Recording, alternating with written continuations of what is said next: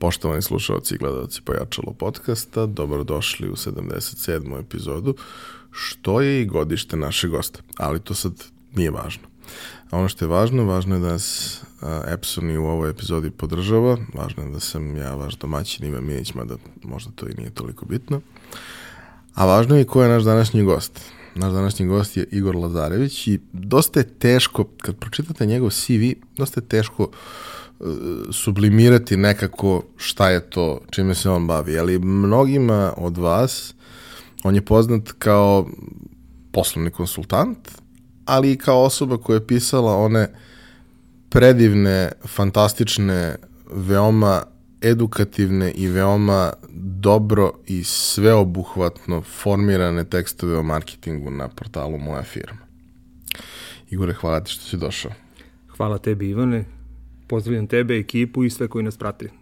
Tu sam. A, mi smo krenuli u tu saradnju sa e, tokom, tokom projekta Moja firma na preporuku zajedničke prijateljice i neverovatno mi je drago što si ušao u tu priču iz razloga što svi smo mi koji, e, koji smo da kažem, učestvovali u tome, naročito mi koji smo se negde bavili marketingom. Ti si se bavio i drugim temama u okviru toga, ali da kažemo primarno marketingom. Svi smo mi, e, kao što sam i u nekoliko prethodnih epizoda rekao, svi smo mi samouki. I to ima neke svoje prednosti, e, ima i neke svoje mane, ako nastaviš da učiš i ne u jednom trenutku se ne uljuljkaš u to da ti sve znaš, većina tih mana može da se eliminiše, ali jednostavno bitno je da postoji zdrava, dobra baza. Ja sam se marketingom najčešće bavio kroz priče na, na nekom nivou anegdota, na nekom nivou zanimljivih primera koje, koje ljudi treba da vide.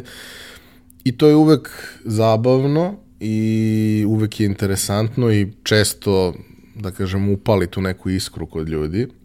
Međutim, ne daje bazu.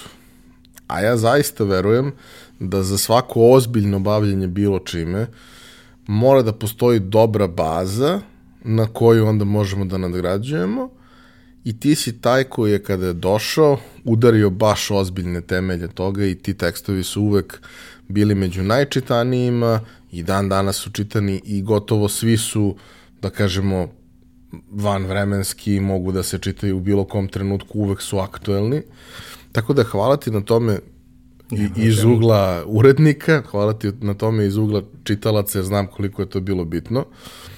A, tvoje ekspertize su prilično široke i, i njima ćemo se baviti kasnije uh, tokom epizode, ali ono što bih ja voleo negde je da probamo kao i sa svim ostalima da napravimo nekakav tvoj razvojni put uh, do, do trenutka profesionalnog bavljenja nekom temom. Odnosno, to je obično ono pitanje koje postavim šta hteo da budeš kad porasteš. pa dobro, prvo hvala za, za, za ove komplimente vezane za moje firme, obostrano hvala takođe. To je ta neka interakcija koja je uspostavljena i vidim da je odziv bio dobar. Uh, moji tekstovi su zaista bili takvi da daju neku osnovu, pri tom je bilo i nekih praktičnih stvari, možda i na neke ajde da kažem teme koje nisu toliko prisutne kao one piggyback, aranžmani, kooperative i tako dalje. A meni je malo nezgodno sa ljudima kad, znaš ono, kad ti pričaš sa nekim pa sam, šta si arhitekta ili PHP programer ili tako nešto. Ja sam ekonomista, magister ekonomije, završio sam marketing, to mi ajde da kažem, zvanje magister ekonomije, a zanimanje mi je poslovni savjetnik ili management konsultant, ono na engleskom, management consulting. Međutim, obuhvat mojih poslova je dosta onako širok, jer ja sarađujem sa firmama, kompanijama, kako kad, nekad sa velikim kompanijama, nekim sa srednjim, malim sistemima i tako dalje. Gro mojih angažmana, načina na koji ja doprinosim se svodi na to da ja pomognem kompanijama da postave sistem, da rastu. Znači da se onako integralno razvijaju svim aspektima. Naravno, to ne znači da sam ja uključen u sve aspekte, ali tu sam, sarađujem sa top managementom, ponekad i middle managementom, pomažem kompanijama u tom smislu kroz davanje saveta, kroz neke tehničke poslove, da se gradi sistem, da se kompanija znači, raste, razvija i normalno je komercijalni aspekt. To je jedna grana. Druga grana su neki konkretni angažmani gde recimo uh, primjera radi pomažem, opet kažem, firmama, pojedincima da apliciraju za razna sredstva ili da naprave neke finansijske modele ili da odradimo neki mali projekt, mali, srednji, veliki projekat tipa neutralisanje farmaceutskog otpada na teritoriji Beograda. Tako da eto, ta neka moja, ima ona te kriva, znaš, pričali smo. Ta, kod mene ta te kriva je ona gornje horizontalno, recimo da je široko i nekoliko imam tih dubini gde sam gde sam zagazio. Moja te kriva definitivno nije da je gore usko i usko Kao ja mali češalj. Kada, pa, da, pi ima, pi kriva recimo postoji ta grananje na pi krivu. Tako da to je neki moj ne, nešto čime se ja bavim. A kako si došao do toga? Šta je, šta je tvoje obrazovanje? I e, ono što je isto vrlo bitno, to često pričam ljude mm -hmm. koji su prošli neko ozbiljno formalno obrazovanje, pošto ima i onih koji nisu akademski se ostvarili mm -hmm. nešto značajno. A, šta si prošao i kako ti je to sve delovalo tada i kako ti deluje danas? Odnosno, koliko da. je vrednost koju si ti tu dobio ono, mm -hmm. kad mhm. si mlad ništa ti ne odgovara i sve može bolje yes, i sve je yes, super. Yes, Ali da, sada da. sa ove distance, kao, šta je tebi donelo to školovanje i koliko si ti zapravo zadovoljan kvalitetom toga? Pa vidi, da ti kažem, ja sam završio ekonomski fakultet i e, veoma sam zadovoljan. Naravno, tamo je recimo nekih 30% predmeta onih što ti nikad u životu neće ni trebati, ali opet to mora, kapiram da mora u tom nekom sistemu, sad je to izmenjeno, moralo je zbog izbora, izbora kasnijih smera i tako dalje. Što se tiče same, znači ja sam bio na katedri poslovno upravljanje i marketing, mi tu ne učimo samo marketing, nego poslovno upravljanje, management, upravljanje projektima, marketing, ljudske resurse i tako dalje, znači to je ono business administration, ta, taj odsek. Dosta mi je pomoglo, dosta tih znanja koje sam stekao i danas koristim, I ja sam nekako, znaš kako, meni je, meni je neka, znaš ono kad pišu onim CV-evima kao koji ti je dugoročni cilj, šta želiš u životu da postaneš. Ja sam skapirao da niti sam ovaj, pogodan da, ne znam, obavljam neki fizički posao, niti da, ne znam, budem estradno popularan i šta je znam. Primetio sam da kod mene postoji taj sistem gde mogu da naučim nešto i to što naučim mogu da primenim ili prenesem. Tako da sam ja tu se fokusirao neke tri linije, ili da budem u sistemu obrazovanja, to mi je bila nekad vizija kad sam bio mlađi, ili u sistemu obrazovanja gde je teško ući na nivou profesora i tako dalje, ili na nivou konsultanta, što se, čime se sad bavim, ili na nivou pokretanja sobstvenog biznisa i primene svega toga u biznisu. Evo, trenutno ja radim, imao sam ja neke pokretanja, neka mala, ali trenutno radim na tom nivou konsultinga. Znanja koja sam stekao na fakultetu, ali i posle fakulteta, kroz ne, stručno usavršavanja, komunikaciju sa ljudima i to neko znanje koje prikupiš iz prakse su mi pomogla. Kažem, ono, nisu 100%, ali recimo 60-70% toga što sam naučio može da se primeni. Može. Mm, nisi ti mnogo stariji od mene. Ti si stariji od mene 7-8 godina. To je otprilike, da kažemo, jedna generacija.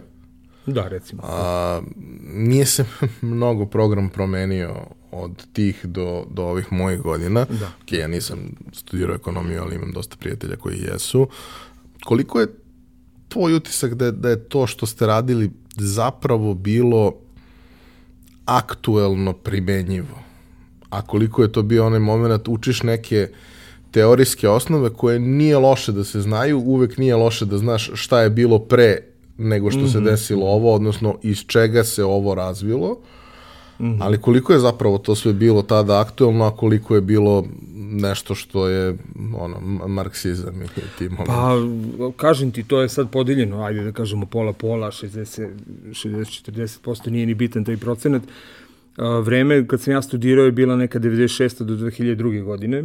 Ovaj, u to, ono što ljudi treba da znaju, ljudi koji izvršavaju ekonomski fakultet, recimo konkretno, završavaju fakultet sa nekim predznanjem da se bave poslovnim upravljanjem. Znači, u principu školuju kadrove koji će biti menadžeri i direktori sutra. U tom smislu ti na fakultetu, ne znam sad kako je, ali mislim da ima inovacija, da ima, i tada je bilo, dok sam ja studirao, postojala je marketing radionica koji dan danas postoji. Mi sad mnogo bolje imamo na fakultetu, mnogo bolje postoji a, taj saradnje između fakulteta i privrede, alumni klub se aktivirao, dosta je to sad približeno privredi, dosta tu ima interakcije sa privredom. Ali u to moje vreme bila je marketing radionica i mi smo ta neka znanja sticali ta neka bazična teoretska znanja koja možda primeniš kada si na nekoj koordinatorskoj poziciji ili nekoj stručnoj poziciji koja pretendira da bude koordinatorska ili neka menadžerska pozicija. E, u tom trenutku kad čovek prekorači to, kada, kada ode na taj viši nivo, da kažem viši pod navodnicima, to uopšte ne mora formalno da bude ispraćeno sa nazivom direktor, menadžer i tako dalje, tu dolaze do izražaja ta znanja. E, takođe je bitno ta ona podela na, na, na eksplicitna i implicitna znanja. Mi svi u obrazovnom sistemu, pogotovo u državnim ovima i u privatnim, ja inače imam stav da, da onaj ko hoće da nauči, on može da nauči na privatnom i na državnom. Onaj ko hoće da, da krivuda, krivuda će i na jednom i na drugom mestu. Ali sve u svemu formalno obrazovanje, iako postoje sada mišljenje da formalno obrazovanje nema vrednosti i tako dalje, ti ipak pruža neka mogućnost da, da stekneš neka eksplicitna znanja. Ta eksplicitna znanja, kada se spoje sa nekom praksom, I kad probaš da primeniš ta znanja na neki način, ne mora kao u knjizi, ali na neki način dolaziš do izgradnje jednog iskustva koje se kumulira godinama i onda to postaje jedno implicitno znanje. E, to implicitno znanje, to je ono know-how. Know why i know how, a to je priča koja ne može lako da se napiše, ne može lako da se kodifikuje, da se prenese. Nego je to prosto neko, neko životno poslovno iskustvo koje čovjek ima. Tako da, eto, ma, ima, kako da kažem, mi smo imali marksističke predmete, politička ekonomija, pa sećam se kad sam polagao taj prvi ispit, jedno pitanje, izvuko sam bio neki transformacioni problem. Marks, to je Marks pisao, razumeš, i onda sam se ja tu dovio preko nekih formula i jedva sam šesticu dobio. To mi je prvi ispit bio. Imali smo još sličnih takvih predmeta, međutim, bilo je dosta modernih savremenih predmeta, pogotovo na katedri za poslovno upravljanje u to vreme zaista, mi smo recimo tada ozbiljno učili i online i nastupe, međutim nije to toliko bilo razvijeno, nije toliko pustilo pipke, to je vreme bilo kad je počinjalo sve to da zaživljava, kraj 90-ih i prve godine 2000-ih, tako da pokriveno je bilo, ali što se tiče ovog poslovnog upravljanja, zaista ozbiljna znanja, ozbiljne i primenjive stvari. Čak smo recimo imali izv, neki predmet izvoz ili već kako se zvao, gde smo konkretno radili kako se radi izvozna dokumentacija, kako se špedicija radi, konkretno smo te stvari radili. Nije bilo tada toliko saradnje sa privredom, ali eto, da neku osnovu i onda kroz čovek, kroz karijeru, zapravo ako je dobro učio, ako je bio dobar đak, ne mora to da budu desetke, mogu da budu i šestici i sedmice, ali ako je bio posvećen tome, može da izvuče ono što je bitno za kasnije. Što ja radim, recimo, ja primenjujem u poslu neke da, stvari. Vrlo često da. sve te neke stvari koje skupiš usput, koliko god ti na prvu loptu ne delovalo da će ti možda trebati, da, na, da. pojavi se situacija kad su veoma važni. Tako Odnosno što tako ovi mimovi u poslednje vreme govore, pričali ste kako vam ne treba i matematika, fizika i hemija, a sad se bojite 5G i harpa. Ali dobro, mislim, ima, jeste negde malo taj moment. Ima naš profesor Ljubomir Mađari na jednom predavanju, onako malo se našalio, pošto ekonomija dosta, ekonomija, znači ne poslovno upravljanje, mada i tu ima kvantifikacija, ali ekonomija pogotovo je dosta opterećena kvantifikacijama, ovaj, modeliranjima, statistikom i tako dalje. I onda Ljubomir Mađer nama jedno na predavanju rekao, kaže, znate, zato zašto, zašto ima ovde toliko mat, formula, matematike i tako dalje, a njegovi predmeti su upravo to obuhvatili, makroekonomije i to. Kaže, zašto ima, to je on u šali naravno rekao, studenti sa matematike koji nisu uspeli dođu u ekonomiju i onda sve pretvore u brojke i formule jednačine. Tako da to je bila jedna mala šala. Ove, ima, ima modeliranja, ima kvantifikacije, ali ja recimo u poslu često volim ljudima, ima ono, pisao sam čak kvantofrenija. A, ne treba biti, ne treba biti ni kvantofreničar u smislu da se samo na kvantitativne podatke pozivamo i oslanjamo, niti treba biti kvantofobičar, kvantofobija da se plašimo podataka. I sa klijentima, recimo, kad radim, ja im vrlo često klijenti imaju tu tendenciju da vole da KPI-eve uvedu svuda. I na nivou pekare male, i na nivou ogromnog biznisa i tako dalje. Ja im kažem KPI-evi su ok, kvantifikacija je ok, međutim nemojte da zalutate, nemojte otići, ja to zovem KPI-izacija poslovanja. Nemojte preterati, jer onda postajete mašina. Masa stvari. 20-30% stvari se može KPI-izovati. Većina su stvari koje ne možeš da staviš u vidu KPI-a primjenom smart metodologije i tako dalje. Tako da, eto, to je neka spona.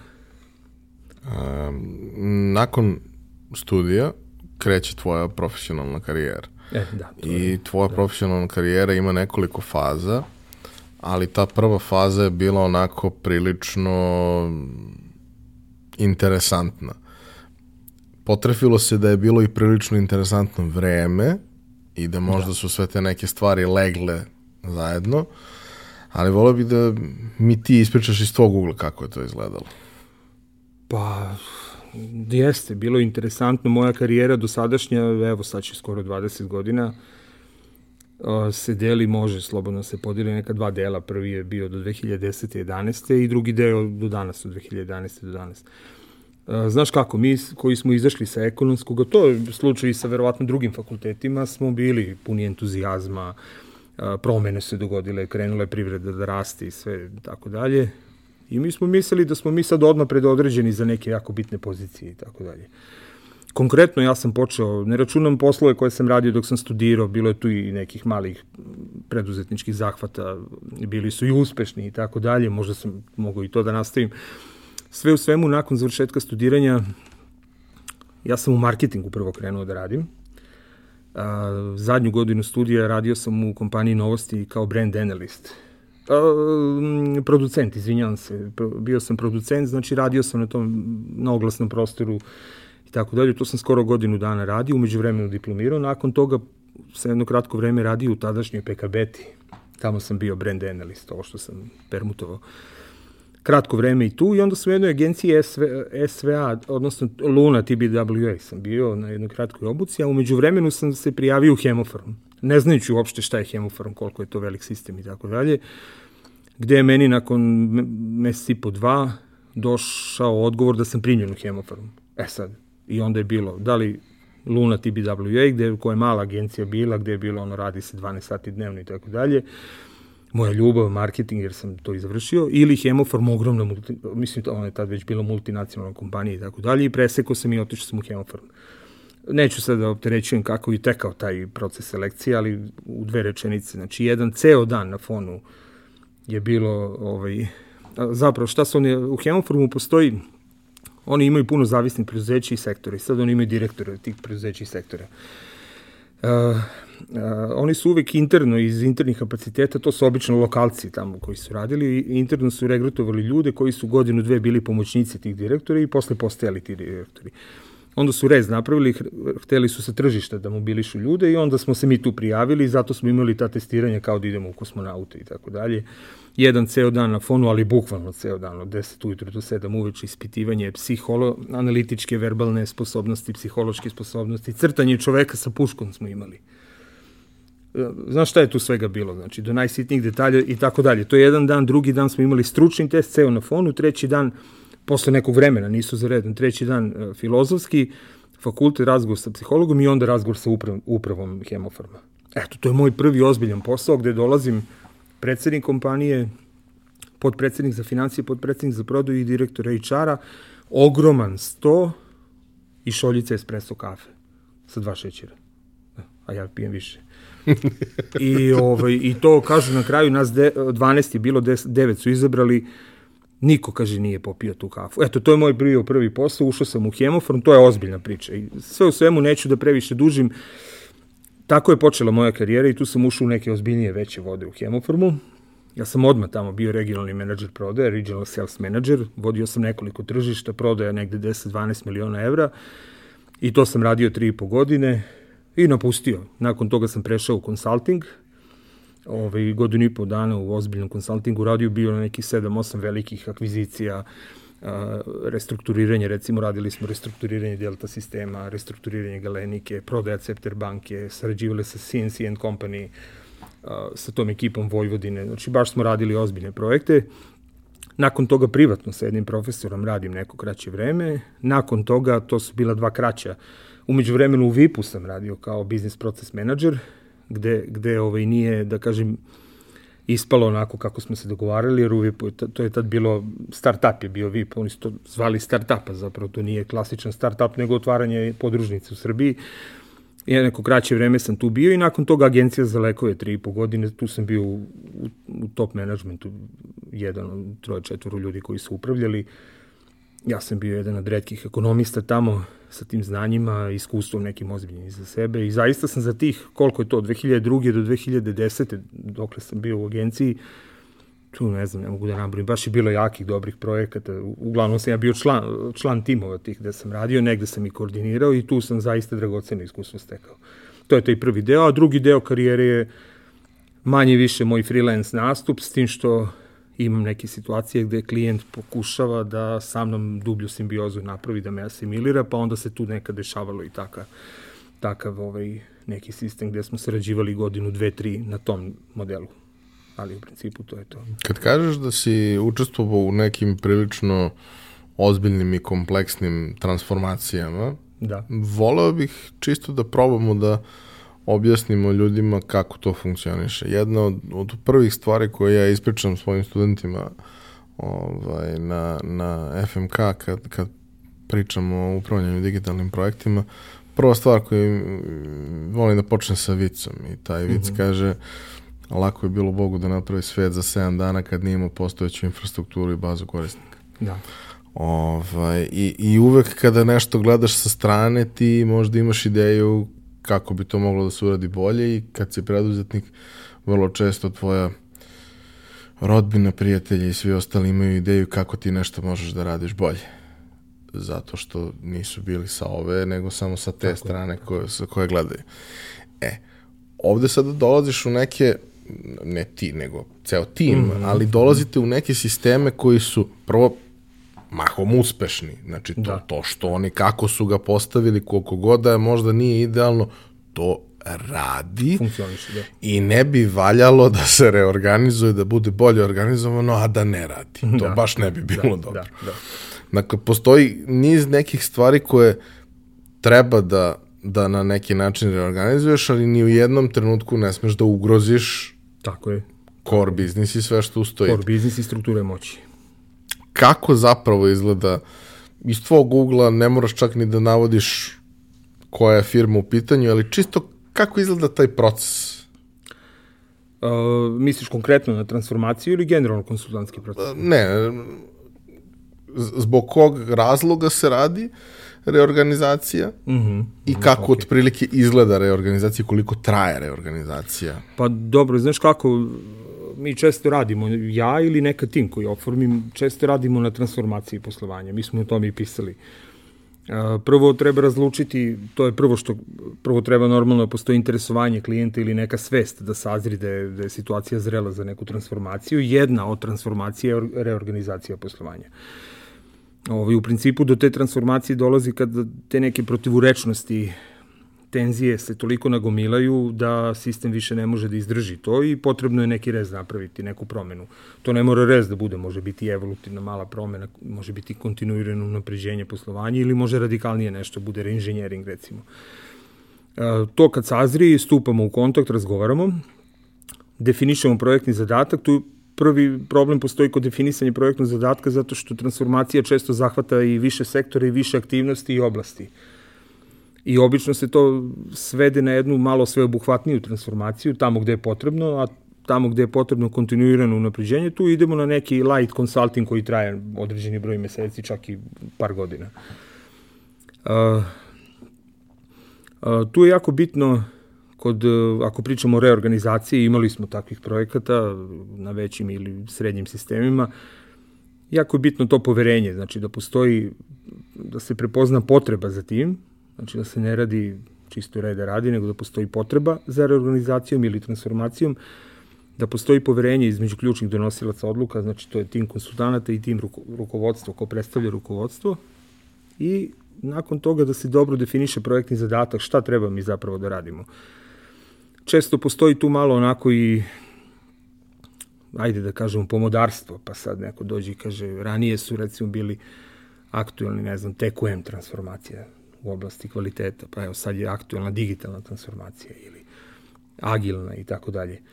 A, to su sve ok načini, postoji i drugi, postoji strateška transformacija, finansijska, organizaciona i tako dalje, postoje razni drugi. Poenta transformacije je da se ne fokusiramo, znači to je ono kad mi dogovaramo angažment, kad se kad pregovaramo sa menadžmentom da bi znali tačno šta se radi, da ne bi radili nešto pro forme ili da ne radimo nešto pogrešno. Uh, dogovoramo koji obim transformacije treba i šta sve treba da zahvati. Kada se taj fit napravi, ako nema fita ne ulazimo u posao. To je jako bitno fit da postoji između partnera. Taj neki sklad. Ako toga nema ne ulazimo u posao i to kažemo ili mi ili oni. Znači ili ja ili oni ili timovi. Nakon toga se pravi normalno dogovor, plan i tako dalje, a onda se kreće u proces transformacije. Sad tu ima normalno neki koraci kako se to radi, neka faza pripreme, mi to zovemo faza odmrzavanja, pa u toj fazi pripreme nam je jako bitno da dobijemo lidere neke, lidere koji utiču na promene, to se i zovu lideri promena, pokretači promena. Jer ako zaboravimo nekog od njih da zahvatimo, ta jedna osoba može onako kao neka infekcija da sruši celu priču. To je jedna od stvari kod pripreme. Znači tu se obave razne stvari, pripremi se teren, materijali, obave se razgovori, zadobije se poverenje menadžmenta, lidera promene i tako dalje. Onda normalno se sprovodi ta transformacija ili reorganizacija i to traje neko vreme, može trajati par meseci, meseci po dva, šest, osam, sve zavisi kakva je kompanija, bilo je angažmana gde smo radili. I šta su ciljevi, naravno? Da, da, da, vodimo računa o ciljevima, šta je cilj.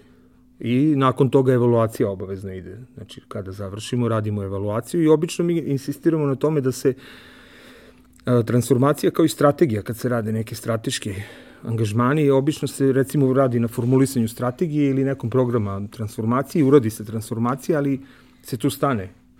Tendencije, rad sa konsultantima ima nekoliko tih tendencija. Jedna od njih je ono što sam pomenuo, da klijent često voli da uvuče konsultanta u svoj posao, da ga prosto zaposli unutra. Druga tendencija je da kad ode konsultant kao da se ništa nije desilo. Znači to se uvuče u fioku i, i ovaj ne, ne funkcioniše. Zato mi insistiramo na toj implementaciji onoga što radimo. Transformacija, recimo reorganizacija, ona se u principu isprovede, ali bi trebalo da nastavi da živi. Ili ako pričamo o strategiji, strategija se formuliše, napravi, ali bi ona trebala posle da se primeni. Ima neko istraženje koje kaže samo 10% strategija se primenjuje. To je neki odnos onako grubo rečeno. Da, vrlo je da. to vrlo je to teško kod nas, posebno ajde veliki sistemi po svojoj prirodi su već sistemi i oni funkcionišu na drugačiji način nego što funkcionišu firme koje su možda porasle, ali su porasle na osnovu entuzijazma i vizije jedne osobe koja je alfa i omega svega, a to nije održivo jer ako postoji Tako single je, point da. of failure, onda je to problem. Da. I vrlo je teško sa tim ljudima ostvariti nekakav odnos koji, koji podrazumeva to poverenje koje je potrebno. Baš kad je bio ovaj, Aleksandar Drenovac u jednoj od prvih epizoda, baš smo pričali o tome i jedna od stvari koje, koju on recimo pomenuo, što mislim da je dobra stvar i način na koji ja često razmišljam kad su te stvari u pitanju, uh, ja sam tu da ti pokažem neke stvari, da ti ukažem na neke stvari, ali ti moraš da shvatiš šta ti treba naravno, naravno. i da sam ti ja potreban. Jer ja ako se namećem da sam ti potreban, onda je to problem. Da, ono, da. Biološka reakcija je odbijanje. Jeste, normalno. Iz, izvini što ti upadam sad u reč, normalno. Ljudi imaju otpor promenama, pa i otpor kad neko dolazi sa strane da radi. Pa ti to ćeš vi, meni da kažeš kako se radi meni, nešto što da, mi radimo da. ceo život. Na kraju krajeva ljudi imaju otpor i prema novim zaposlenima, što sam ja, recimo, ja iskusio u svojoj karijeri i tako dalje. Da, da, to je. Jel mogu samo zanimljivosti jedno? Znači, dok sam radio u tom konsultingu, mi smo imali mentora, neću imena sada da pomenem, ali mentor je bio partner u McKinsey Company, to ti je najveća svetska konsultantska kuća, ti znaš, ali možda gledalci ne znaju. Čovek nam je rekao, evo recimo jednu zabludu mi, ne meni, nego našem timu je rekao, kaže, zar vi stvarno mislite da vas ljudi angažuju samo zbog prodaje znanja? Ne sad je on to ovako predstavio. Kaže, jedna četvrtina, 25% angažmana je zato što menadžmentu treba pokriće za donošenje odluka. Konkretno mi dok smo radili u Galenici, tu je bila jedna flat struktura gde je bilo 24 ili 5 sektora i svaki je bio mali feud u okviru svog sektora i direktor, iako ima formalnu moć, nije mogo da sprovede, trebalo mu i neko pokriće mu je trebalo. To je jedni, jedna četvrtina. Druga četvrtina je, e, ja to zovem rame za plakanje. Uh, da li znaš ko je najusamljeniji čovek u kompaniji? CEO, direktor, predsednik, menadžer glavni. Znači, to je osoba koja se sa najviše ljudi susreće, ali na kraju dana, na kraju balade ostaje sama onako, nije, nije, nije, usam, nije, nije sama što se susreta tiče, ali je usamljena. Znači, sve je na leđima tog čoveka. Ba, suštinski nema nikog na svom da, nivou da. sa kim može da priča tako je. o stvarima koje njega muče. Koje ga muče. Ne na svom nivou intelektualno da. i tako dalje, nego prosto nivo odgovornosti obaveza da, da, svega je Tako drugačije. je, tako je, ne može recimo sa nižim rukovodiocima ili nekim bočnim da se posavetuje o tome kako da reši neki veliki problem koji podrazumeva neke teške kompromise, recimo otpuštanje ljudi ili zatvaranje investicije i tako dalje. To je drugi, drugi spektar angažovanja, tih 25% navodno, je to rame za plakanje, odnosno ta psihološka podrška top managementu. Zato konsultanti dosta ovog tipa. Znači, postoje razni tipovi konsultanata za komunikacije, za tehnologiju, za, za marketing. Ovo što ja pričam je savjetovanje u oblasti poslovnog upravljanja, management. To je drugi tip. Treći tip kaže, to je, i to je istina, a, firma često nema ili kompanija nema resursa da da ovaj da obavi neke operativne stvari. Pri, prima, pri, primjera radi apliciranje za neka finansijska sredstva ili izrada nekog biznis plana ili prijava na neki tender ili raspisivanje tendera sa svim uslovima i tako dalje. Taj treći treći nivo, to je zapravo prodaja mišića, aj tako da kažem, znači operativno rad imaš, ti si konsultant, odrađuješ neke stvari, pomažeš im zato što ljudi ne mogu sami da rade. E, tek četvrti je prodaja znanja što ne znači da je zadnji po redu, ali je to navodno ovaj, nije, nije jedino prodaja znanja, nego prodaja znanja je jedan od na, razloga zbog čega su angažovani konsultanti. To recimo ljudi ne znam da li znaju. Dobro, naravno svako ima svoju motivaciju, ali vrlo često kada angažuješ nekog i kada opet to je sa velikima, sa malima, kad pričaš malo su drugačiji procenti, ja bih rekao, ali da, ovo je taj da. moment uh, gde on tebe angažovao da ti potvrdiš to što je on zamislio. Da, da, ima, to je ovo prvo. Apsolutno to. da, da, Znaš, da. To je onako dosta značajno u celoj priči. Ne samo Jeste. da mu daš, uh, da kažeš evo, ali on se složio sa tim. Ne, ne, ne. Da ti meni kažeš da sam ja najpametniji. Što, mislim, ok, kao, ima ljudi koji jesu i ima ljudi koji neminovno dobro rade svoj posao ako su uspeli ni od čega da naprave firmu koja je porasla do nekog nivoa. Da, da. Ali tu postoji onaj problem što smo nekoliko puta pričali kroz, kroz prethodne epizode, a koje je mene moj dragi prijatelj Luka Pejović, takođe jedan od gostiju, naučio kako se kaže na njemačkom, jer ja mnogo volim, mm -hmm. kako, da znam kako se kaže na njemačkom, kaže se Nachtfolge, mm -hmm. a Nachtfolge se odnosi na nasleđivanje biznisa, ali ne samo mm -hmm. nasleđivanje u okviru porodice, mm -hmm. već i da kažemo, sposobnost biznisa da neko drugi nasledi mm -hmm. vođenje njega, drugi menadžment i tako dalje. Imali smo primer, i što je Jako neko, promjena, neko da. pomenuo, kao, uh, i ništa, i bili smo kao, ne znam, u, u nekoj vinariji i bilo je baš lepo i, znaš, to je 23. generacija njihova koja to radi. O, lepo, lepo to. Ok, mi 23 generacije u nečemu nemamo, kad saberemo U dragovima. 10 biznisa, Da, a tako je. nekad nemamo tu vrstu kontinuiteta bilo što. Znaš, oni prave dobro vino. Rade to već 23 generacije, pa baš me čudi što prave dobro vino. Ovaj, tako da ima tih nekih specifičnosti. A, koliko si ti imao dodira sa tim da, da firma a, generalno sve vrste transformacije negde podrazumevaju da ili nešto što nije dobro učiniš boljim, i, ali vrlo često da nešto dobro učiniš, odnosno pomogneš da postane sposobno za ono što je potrebno u narednom koraku. Da, da, da. Ovaj biznis sada ovako je postavljen dobar, isplativ, sve je okej ako će da ostane na tom nivou.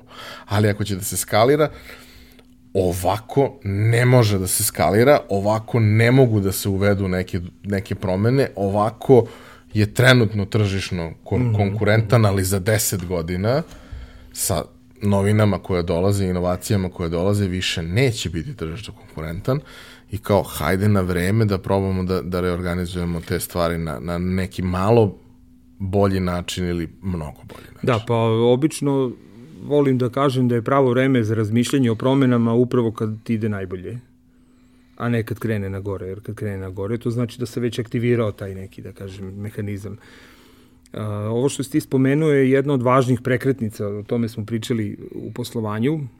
Dve bitne prekretnice su. Jedna je profesionalizacija upravljanja, profesionalizacija biznisa. To je ono, kad mali biznis nastane pa raste, recimo mi sad pričamo, obraćamo se u velikoj meri malim preduzetnicima pa će biti od koristi, mali biznis raste, osvaja posao, klijenti, povećanje broja zaposlenih i tako dalje. I u jednom trenutku se javlja potreba da se to profesionalizuje, da se, da se korporatizuje, aj tako da kažemo, da se to podigne na jedan ozbiljan nivo. Znači, ako sam ja koji sam vlasnik, osnivač, direktor, bilo šta, odem, da ima ko da preuzme da to vodi. Znači, da napravimo sistem. To je ta prva bitna promjena, prekretnica. Pisali smo o tome, bit će. Ovaj, druga bitna promjena je transformacija, management tranzicija. neko to kaže transformacija, management tranzicija. To je jako bitna promena i to je najbolnija promena. Uh, Jer iza, treba da pustiš neke Treba stvari. da pustiš nešto. E sad, pazi, iza toga stoji jedan princip stigmergije. Uh, stigmergija je, ne znam da li, da li si čitao, ima neki članci o tome. To je ono kada, recimo, sad malo je možda ovaj, metafora, insekti, recimo, kad rade, oni generacijama i generacijama grade nešto. Iako ne znaju sad pojedinačno zašto to grade, ali oni grade generacijama. To je stigmergija, gde jedan subjekt ostavlja trag u vremenu i prostoru koji nasleđuje drugi subjekt i onda gradi. Ja u mojim angažmanima, ja volim, eto, to je izlaženje iz nekih knjiških otkvira, ja volim da napravim situaciju gde će se napraviti stigmergija u biznisu. E, ta stigmergija je usko vezana sa tim, sa tom management tranzicijom. Konkretno, recimo, imamo neku porodičnu firmu, porodičnu kompaniju, gde, gde, gde članovi porodice ili neko iz porodice vodi kompaniju i tako dalje i to lepo kontroliše, to se širi, to se razvija i tako dalje. U jednom trenutku a, nailazi ova profesionalizacija, to se prebrodi, uradi ili se ne uradi i tako dalje i budu rezultati, ali recimo da se to uspešno sprovede. U jednom trenutku dolazi potreba da se prenese biznis na nekoga pre ili kasnije, to mora da se uradi, mislim, biologija to govori. E, to je najbolnija tačka u... Tu ne može bez emocija Znači, ta, ta transformacija ne može bez emocija. Kao što kaže Isaka Dižes, e, kompanije je naše malo čedo, naše dete koje mi razvijamo. I uvek kada mi treba da se povučemo iz te priče, tu ima emocija, ne može bez emocija to da postoji. Zato je bitno tom toj, toj, toj management tranziciji, toj, toj, toj, znači, toj prekretnici u razvoju posle pristupiti jako onako pažljivo, osetljiva je tema i dobro je uspostaviti dobre odnose sa management. Mislim, recimo u Francuskoj, kod nas je praksa da to deca nasleđuju, eventualno neki rođaci, ali u principu deca. Francuzi, to smo mi kao neki kejsovi imali Francuzi, pošto oni recimo imaju dosta malog biznisa, vinarija, kafića, restorane i tako dalje. Kod njih je pravilo zapravo da se dovodi profesionalni menadžment. U jednom trenutku vlasnici, osnivači, pored toga što se profesionalizuju u nekom trenutku, to može i paralelno da bude, se povlače iz posla i veću intenciju, više naginju ka tome da dovedu profesionalni menadžment, čak im ustupaju, ne čak, nego je pravilo da se ustupi deo vlasništva firme. 3, 5, 10, 20% i više se ustupi tom novom menadžmentu i to je način da se ta transformacija sprovede. To je bolan proces, to je emotivan uvek proces, ali taj proces je neminovno ako jedna firma, kompanija želi da raste i da opstane u narednih 20 generacija. Jer ako se pre, preskoči ta jedna generacija, ta prva transformacija, ako se uradi kako treba, svaka naredna će postajati više rutina. To će biti jedna poslovna praksa i to je opet deo te stigmergije. Znači, gradimo nešto i sad ljudi koji dolaze, možda i više i ne znaju ko je osnivač kompanije.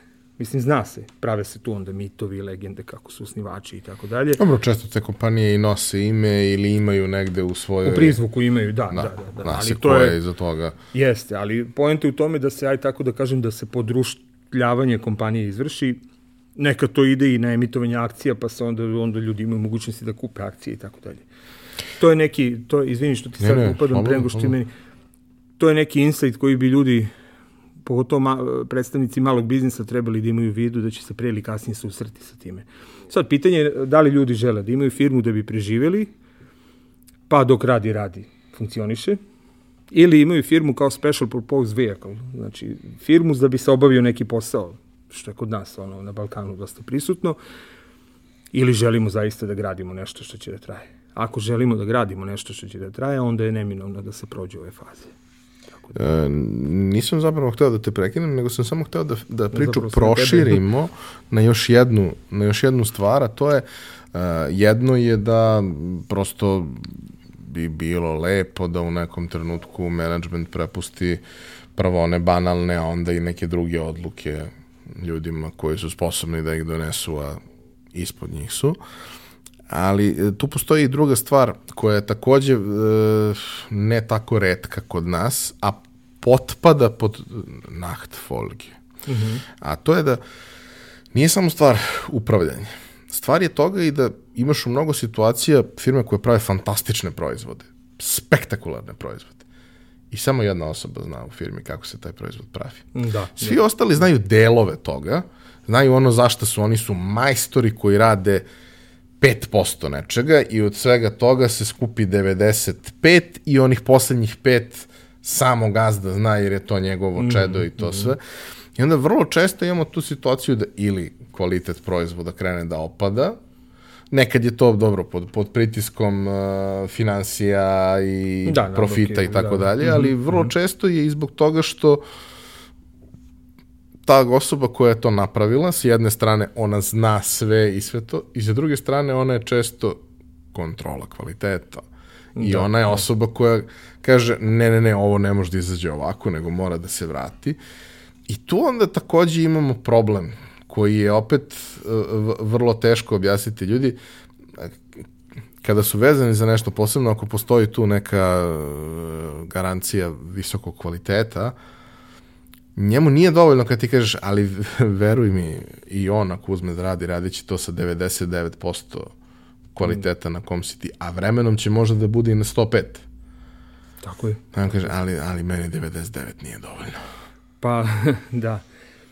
A, tu su dve ključne reči, delegiranje i hrabrost. Ajde sad ovako na prvu loptu. Prvo da se nauči da se delegira, ali ne samo u smislu delegiranja ovlašćenja i odgovornosti, nego i delegiranje kreativnih procesa, inovativnih, e, umnih. Razumeš na što mislim. Znači, da se delegira, prosto pusti čoveka da proba da napravi, pa neka fail napravi, procenit ćemo normalno ako će taj fail da dovede do velikog neuspeha, odbrzo ćemo to da ispravimo i tako dalje. Ali jako je bitno ukazati to poverenje ljudima kroz delegiranje, a povezano sa tim je ta hrabrost. Dobar menadžment podrazumeva hrabrost i veru u ljude pusti čoveka da uradi. Ponekad treba i gurnuti čoveka u vatru i dati mu svu podršku. Znači, ono, uđi, evo ti, uradi, ako ne uradiš dobro, mali bufer ćemo da ostavimo, ispravit ćemo, dopunit ćemo, ali uradi ga ti. Ne postoji drugi način da, po mom mišljenju, ne postoji neki drugi način, postoji, mislim, možemo mi da obučavamo čoveka 8 meseci, pa korak po korak da ulazi u posao.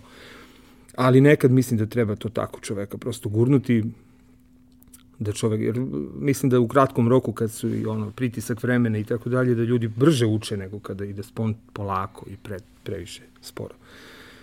Ovo, to je ranjivost biznisa. U biznisu generalno ne treba da postoje takve kritične tačke, aj tako da nazovemo. Ne bi smele da postoje takve tačke, pogotovo kad raste biznis, pogotovo kad imamo recimo unmet, ono, nezadovoljenu tražnju. Um, ne sme da postoji to. Takođe ne sme onaj ko projektuje, ne bi trebalo, nećemo re, da reći ne sme, ali onaj ko projektuje da ujedno i radi kontrolu kvaliteta. U nekom trenutku to treba da se razdvoji. Ovaj, da se projektovanje, izrada, razvoj proizvoda, usluga, rešenja, šta god bilo, radi jedan tim, jedna osoba, više osoba, zamenjivih i tako dalje.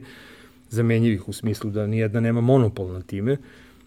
A da kontrolu kvaliteta ili što u što u računarstvu ima ono testeri omraženi rade testiranje. Treba težiti ka tome da se prosto napravi mehanizam da se može delegirati ljudima, da ako ja odem, i ako sam ja ključni naučnik koji radi na razvoju nekih bioloških molekula u nekoj biotehnološkoj kompaniji, to je okej, okay, jer ja imam neka znanja, iskustva i tako dalje, ali dobro, ajde da vidimo da li još neko može tu da radi. I sad tu ima raznih mehanizama, kako to, evo recimo primjer, a, Univerzitet Washington je to prebrodio tako što oni su imali nekoliko istraživača koji su razvijali new biological entity, to su znači lekovi bazirani na biološkim molekulima. To su ti skupi lekovi i tako dalje. Oni su gamifikaciju napravili i oni su e, mobilisali čitavu zajednicu kroz razne te nivoje gamifikacije, dobijanje raznih stimulansa, nagrade i tako dalje, ko će razviti bolji biološki molekul biološki i hemijski molekuli se relativno brzo razvijaju, ali, re, rela, ali teško do, dolaze do nivoa novog leka. I oni su na taj način, aj da skratim, podruž, kako da kažem, uveli više njih koji mogu da naprave dobar molekul. I time su pre, premostili to ograničenje gde su imali nekoliko naučnika koji su to samo pravili. Ovo, I to su ti neki mehanizmi. Nije dobro, znači, generalno da postoji monopol. Ne, na neki način, svi kada ulazimo u to, uh, ako je to e, naša ekspertiza od koje krećemo, taj MVP od koga krećemo, da. taj prototip, ćemo napraviti sami. Ali to ne znači da ono, pet godina kasnije i dalje ti treba da praviš ne, te stvari, ne, već da, da prosto da bi to... Ja volim da kažem, to sam recimo jednoj koleginici koja je imala problem sa, sa delegiranjem objasnio, objasnio na način ti si fantastična i ti sjajno radiš to što radiš, ali ti si konačan resurs. Možeš da radiš 23 sata dnevno i dalje možeš da uradiš konačnu količinu stvari. Da. Ako delegiraš to na šest ljudi, čak i ako su pet puta nesposobniji od tebe, u konačnici će moći da isporuče više sati. Pa da, I to je... negde da. više rezultata. Sad, u toj varijanti, dobro, u konkretnom slučaju, uh, malo je to bilo više planiranja, malo je to više bilo kontrole kvaliteta, malo je to više bilo svega toga, ali razumljivo je zašto ljudi neće to da, da prepuste tek tako. Ali je neophodno da se desi da bi moglo da dođe do rasta. Slažem se, da, u nekom trenutku je neophodno to se desi. A, mi kad radimo na procesima, recimo, postoji osoba koja je proces owner, koja je, na, koja je odgovorna za sprovođenje tog nekog procesa, recimo ako je to razvoj nekog feature za software ili bilo čega, znači neki improvement na nekom fizičkom proizvodu i tako da. Znači imamo osobu koja je process owner, ali to ne znači da ta osoba sve to treba da radi. Nekad je možda i racionalno da jedna osoba to radi, zašto može lepo da sublimira i da obavi to brže, bolje i efikasnije, ali nije, nije preporučljivo da takve osobe na svim procesima dugoročno rade, jer onda će se desiti da jedna osoba ode i stane nam ceo posao tu može pomoći, sada ne ulazimo u metodologiju i kako se to radi, ali može pomoći na upravljanje poslovnim procesima, prosto da se vidi jedan proces, koraci od početka do kraja šta se radi, da vidimo koje segmente procesa možemo da delegiramo. Aj tako da kažem interno da outsourcujemo drugim ljudima. Jako bitno, da, naravno, slažem se sa tobom, to je dosta bitno. U firmama, izvini, uh, u kompanijama mi često imamo te ljude, u onoj metodologiji, opet kažem, postoji taj neki tip ljudi radoholičari, Mi imamo te ljude koji, koji ne daju, koji rade, drže kod sebe, recimo ne, u računovodstvima ili ne znam, u proizvodnjama ili u nabavkama i to je sad. Ne dam, ja radim to, ne dam nikom drugom da radi. Što zbog dokazivanja pred pretpostavljenima, što zbog neke satisfakcije, što zbog toga što, ne znam, ja imaju taj poriv da rade. E, to, to isto treba nekako rešiti ili tako što će se rasepkati neke aktivnosti ili rotiranje, postoji job rotation, da se da se ljudi nekad malo i rotiraju, to je dobro i za ljude i za kompaniju, uče neke nove stvari. Ili unutar sektora ili međusektorska koordinacija, recimo iz market, unutar marketinga mogu da rotiraju ili iz marketinga u prodaju da odu pa malo da nauči o prodaji i tako dalje. Ja duboko Ima verujem u to da, da se- ono, kad si generalista, to ima svoje dobre i svoje loše strane, kao i s, svaki, kao i da. kad si specijalista, kao i kad si bilo šta u životu, Da, sve da. to ima svoje pozitivne i negativne strane. Ali jedna od dobrih stvari koju ja nekako verujem, za neke pozicije u firmi nije loše da imaš generalistu. Nije loše da čovjek poznaje ceo proizvodni proces. Nije loše da, zna svaki pojedinačni posao kako se radi. Ali to ne znači da treba da ga radi. Naravno, da, da. On je tu da može da iskontroliše sve. On je tu da kada postoji potreba da se nešto izmeni, ima širu sliku. On je tu da kada treba da dođe novi zaposleni, može da uradi, ok, možda ne mora da radi obuku, ali recimo može da uradi obuku, može da uradi superviziju i sve ostalo.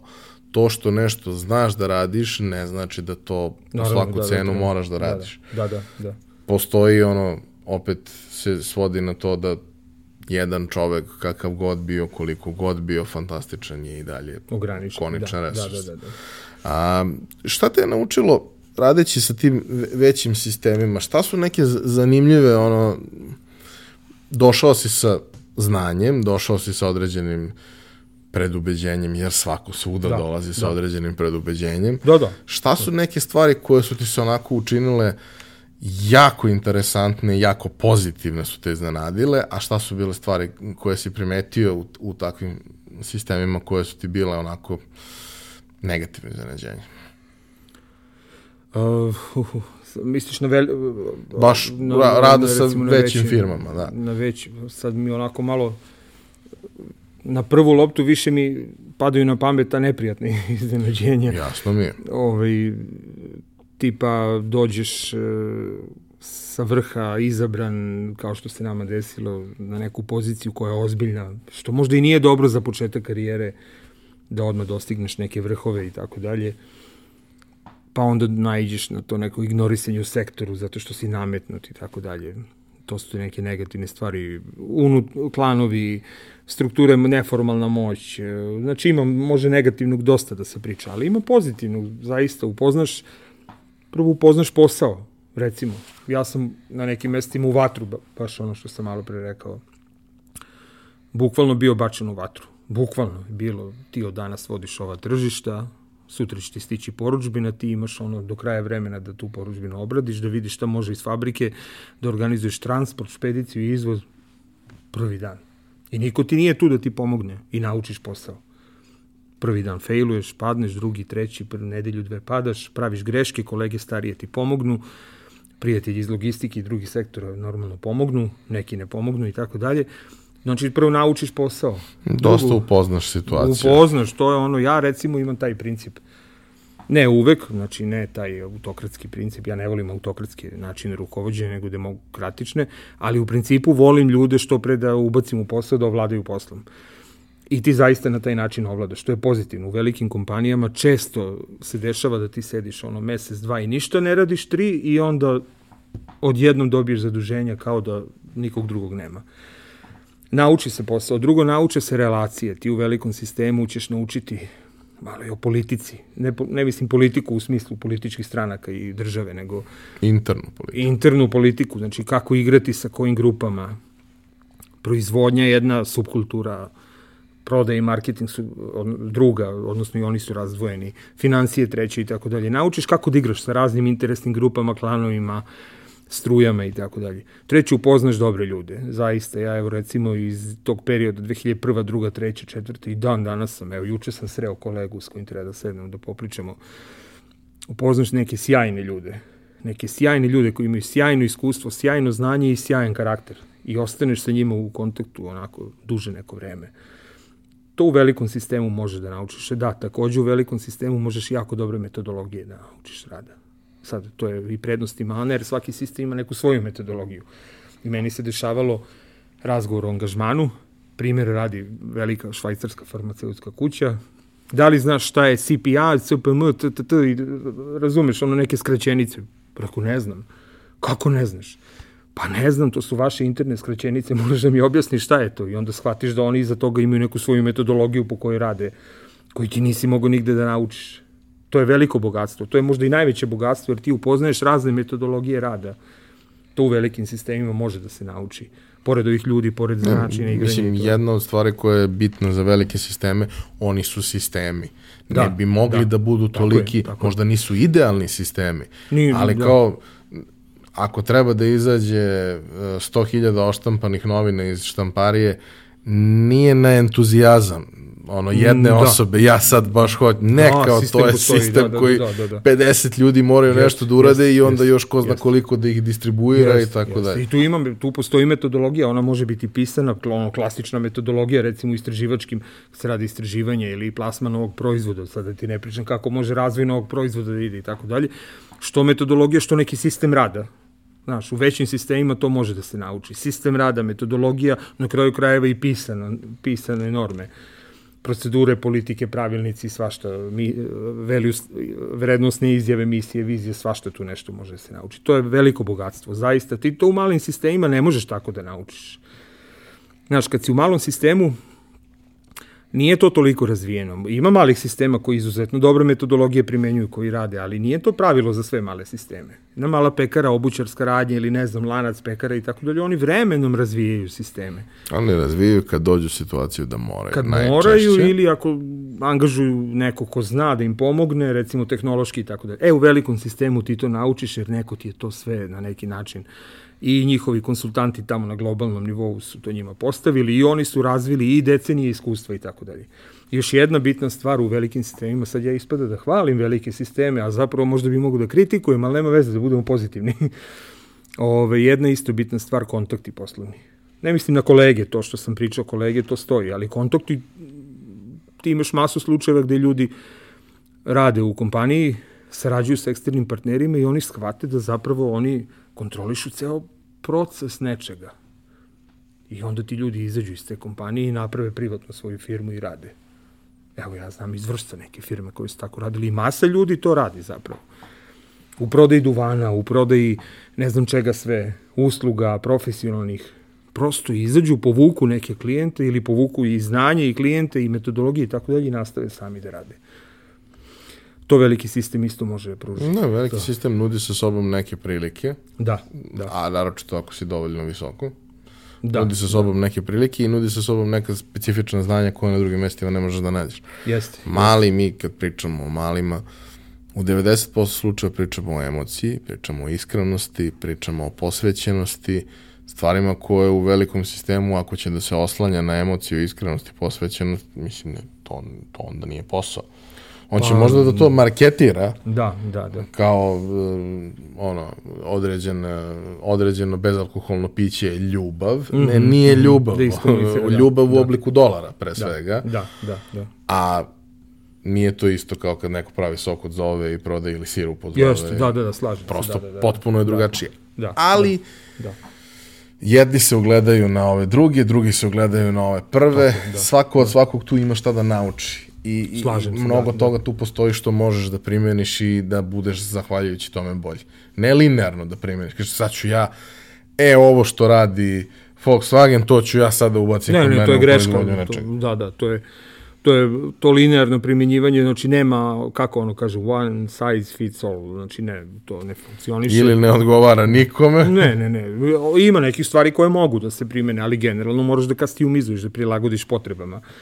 Ovo, isto tako od malih se može mnogo naučiti. Da ne ispadne sad da hvalimo da, ja kažem isto da, da je to obostrano. Ja recimo u zadnje vreme dosta imam kontakta sa malim firmama i dosta može da se nauči i o snalažljivosti, i o entuzijazmu, i o načinu kako realocirati, o fleksibilnosti, kako što bolje organizovati sa ograničenim finansijskim, materijalnim i ljudskim kapacitetima.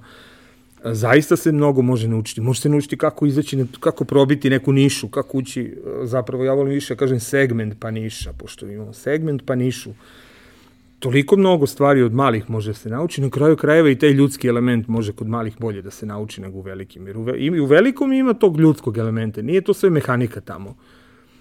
Ali znaš, zato se ja borim protiv te pretirane KPI-izacije poslovanja, jer ako ti krene sa vrha KPI-izacije i spušta se do, do najnižeg nivoa, onda ti imaš jednog robota koji je tebi šef i koji ti samo preko KPI-eva te gleda. Mislim da, da, e, u malom to, izvini, u, u malom sistemu, u malom sistemu ti imaš taj human taj, taj Mislim da je najbolja kombinacija zapravo on čemu je, na primer, primjer volim, koristim i sve ostalo, čemu je Apple uvek težio. To je, ok, imaš veliki sistem, ali za neke stvari imaš male timove koji imaju autonomiju. Da, da, da. da I kao, da. ti mali timovi rade neke stvari koje najčešće treba da budu inovativne mm -hmm, i oni mm -hmm. se uopšte ni na koji način, osim da ih imaju na raspolaganju, pa mogu da se oslone na to, u suštini ne oslanjaju na da kažemo veliku proizvodnju i sve ostalo. Ne, ne, ne, imaš sve resurse koje ti trebaju, imaš budžet svoj, imaš mm -hmm, potom, mm -hmm. odvojen si fizički i napravio si sebi svoj mikrokosmos u kome da, da, je da, jedini da. tvoj zadatak da uređaj koji je 4 inča smanjiš na 2,5 inča, jasno, jer da to je cilj. Jeste, to je isto dobar model, to je sad ovo uvezano sa agilnim metodama upravljanja projektima, Scrum, Kanban i tako dalje. Međutim, to je sjajna stvar, naravno, i to je sad povezano i sa kreativnošću i stvaralaštvom i pravljenjem inovacija. U prevodu ja ne mogu da dođem nekom i da kažem imaš tri dana da mi napraviš kreativno rešenje. To je neko će možda za pet minuta da napravi, a možda će mu trebati dve nedelje da napravi. Kreativnost i stvaralaštvo se ne prodaju na kilo. Recimo, zato sam ja protivnik onih onih prodaja pozorišnih karata za 100 dinara, pa ono kao kultura na kilo. Znaš, pa se prave redovi 3, 3 km. Sve u svemu, to je sjajno, to je, to je sjajno, samo nije primenjivo svuda. Primenjivo je tamo gde, gde ti treba ljudima da daš slobodu, da oni mogu da razmišljaju, gde nemaju pritisak vremena, pritisak mikromanagementa ili menadžmenta, gde imaju, da kažem uslovno rečeno, dovoljno financija i vremena da to naprave i pustiti ljude da urade i napraviti funkcionalni tim koji može da se samo organizuje i da, i da, ovaj, i da napravi rezultat. Recimo, uh, sad možda nije direktno povezano, ali tu je jako bitna ono, ono neka vizija poslovanja, te neke vrednostne stvari, vizija, u šta verujemo, šta je naš, zbog čega mi radimo, misija, vizija, vrednosti, znači ono zašto postojimo, u šta verujemo, koji su naši principi i tako dalje. Ako se to dobro ne iskomunicira, ti ćeš imati onda ljude koji mehanički odrađuju posao i ne znaju ni zašto rade. Međutim, tamo negde uh, postoje, sad malo sam možda skrenuo, ali postoje postoje organizacije gde, gde možeš direktivnim putem da sarađuješ sa ljudima i oni će opet da budu posvećeni. Tipičan primjer, znači gde klasičan ovaj, da kažem, direktivni menadžment primenjuješ, ne onaj ne participativni menadžment, demokratski menadžment, nego ono, autoritarni menadžment, ljudi će opet biti posvećeni i to su organizacije koje prepoznaju svrhu, znači koji imaju visoke ciljeve, prepoznaju jasno svrhu svog postojanja. Primeri su vojska, urgentni centri, zdravstvene ustanove, humanitarne organizacije i tako dalje. Recimo, ko čovjek uđe u bolnicu i sad, ne znam, doktori, lekari, nema tu sad mi sedimo većemo, razgovaramo što nego onaj glavni, kaže ti tamo ideš, radiš to i to i on odmah ode tamo i uradi. U vojsci isto tako. Ljudi prepoznaju višu svrhu svog rada i onda on kaže, nema problema, ja znam čemu služim. To, to, to je to postoji ta jedan moment gde, gde uh, nema vremena da se debatuje nema ni vremena, o tome. vremena, tako Odluku je, da. donosi onaj ko je najkvalifikovaniji tako da je donese. Je, I to je to. I možda je ona pogrešna. Ne, ali ona da se sprovede, će neko da. drugi napraviti dobru. Ali statistika je na strani ovoga jest, koji je jest, donosi. Verovatnoća. Isto tako, uh, uh, samo organizovanje, to je povezano, sad ovaj, uh, samo organizovanje je povezano uh, povezano je sa ne, što, nešto što smo mi nekad imali samoupravljanje. Samo organizovanje je, dobra, sjajna stvar zaista i daje autonomiju i tako dalje, sve smo pozitivno o tome već pričali. Međutim, samo organizovanje ima ograničenja. Evo primjera radi, znači ti ako si u procesnoj industriji, gde ti imaš proces gde se naslanja ono, e, prodaja, jedno zavisi od, jedno zavisi od drugog e, i tako dalje, nemaš ti sad da proizvodnji da kažeš ajde vi se samo organizujte ili finansiju i računovodstvo, vi se samo organizujete. Kad on mora završni izveštaj, a ove godine to pomereno valjda za kraj juna ili avgusta, ne, ne znam sad, bilo je pomeranja, nema tu sad nešto, aj vi se samo organizujete, nego se zna, imaš rok, može, mora da se uradi. Možeš ti da kažeš, vi se samo organizujete u okviru ovih Ko će, da, bolje da ograničenja. Da, isto tako, ti imaš sisteme, što je veći i kompleksniji sistem, manje može na celom sistemu da se primenjuje samo organizovanje. U prevodu ne znači da ne treba i da ne može na manjim timovima i tako dalje. Drugim rečima u prevodu potreban je određeni nivo menadžmenta, ajde tako da kažem. Menadžment. Ljudi sad vole koriste reč liderstvo. Liderstvo je sastavni deo dobrog menadžmenta. Znači, kad kažemo menadžment, ne mislimo na loš menadžment diktatorski, autokratni. Dobar menadžment koji obuhvati dobro liderstvo i dobar rad sa ljudima i planiranje, praćenje, reagovanje brzo, fleksibilnost i tako dalje. Što je veći sistem, manje je mogućnost da se ceo sistem pretvori u samoorganizovanje, s tim što postoje veliki sistemi koji su kao recimo kooperative, Mondragon recimo španski, a da ni tu nije samo organizovanje i tu postoji menadžment, ali postoji neka procedura sam, samoupravljanja. Drugo što je sistem više dislociran, velike kompanije koje imaju dislocirane ono podružnice ili dislocirani timovi programera, tu se teže ostvaruje samorganizovanje. Znači, on u Scrum metodologije ima posebna jedna grana koja, ispit, koja se bavi time kako samorganizovanje da primjenimo na dislocirane timove. Tako da ima i prednosti i ograničenja princip samoorganizovanja, ali onaj glavni princip je da treba ljudima dati slobodu, pogotovo tamo gde su kreativni radovi, gde, gde treba vreme, gde treba da se izbaci nešto kreativno, nešto stvaralaštvo, neko da se radi, treba ljudima dati slobodu i ne pritiskati u smislu sad imaš jedan dan da razviješ najnoviji feature na proizvodu.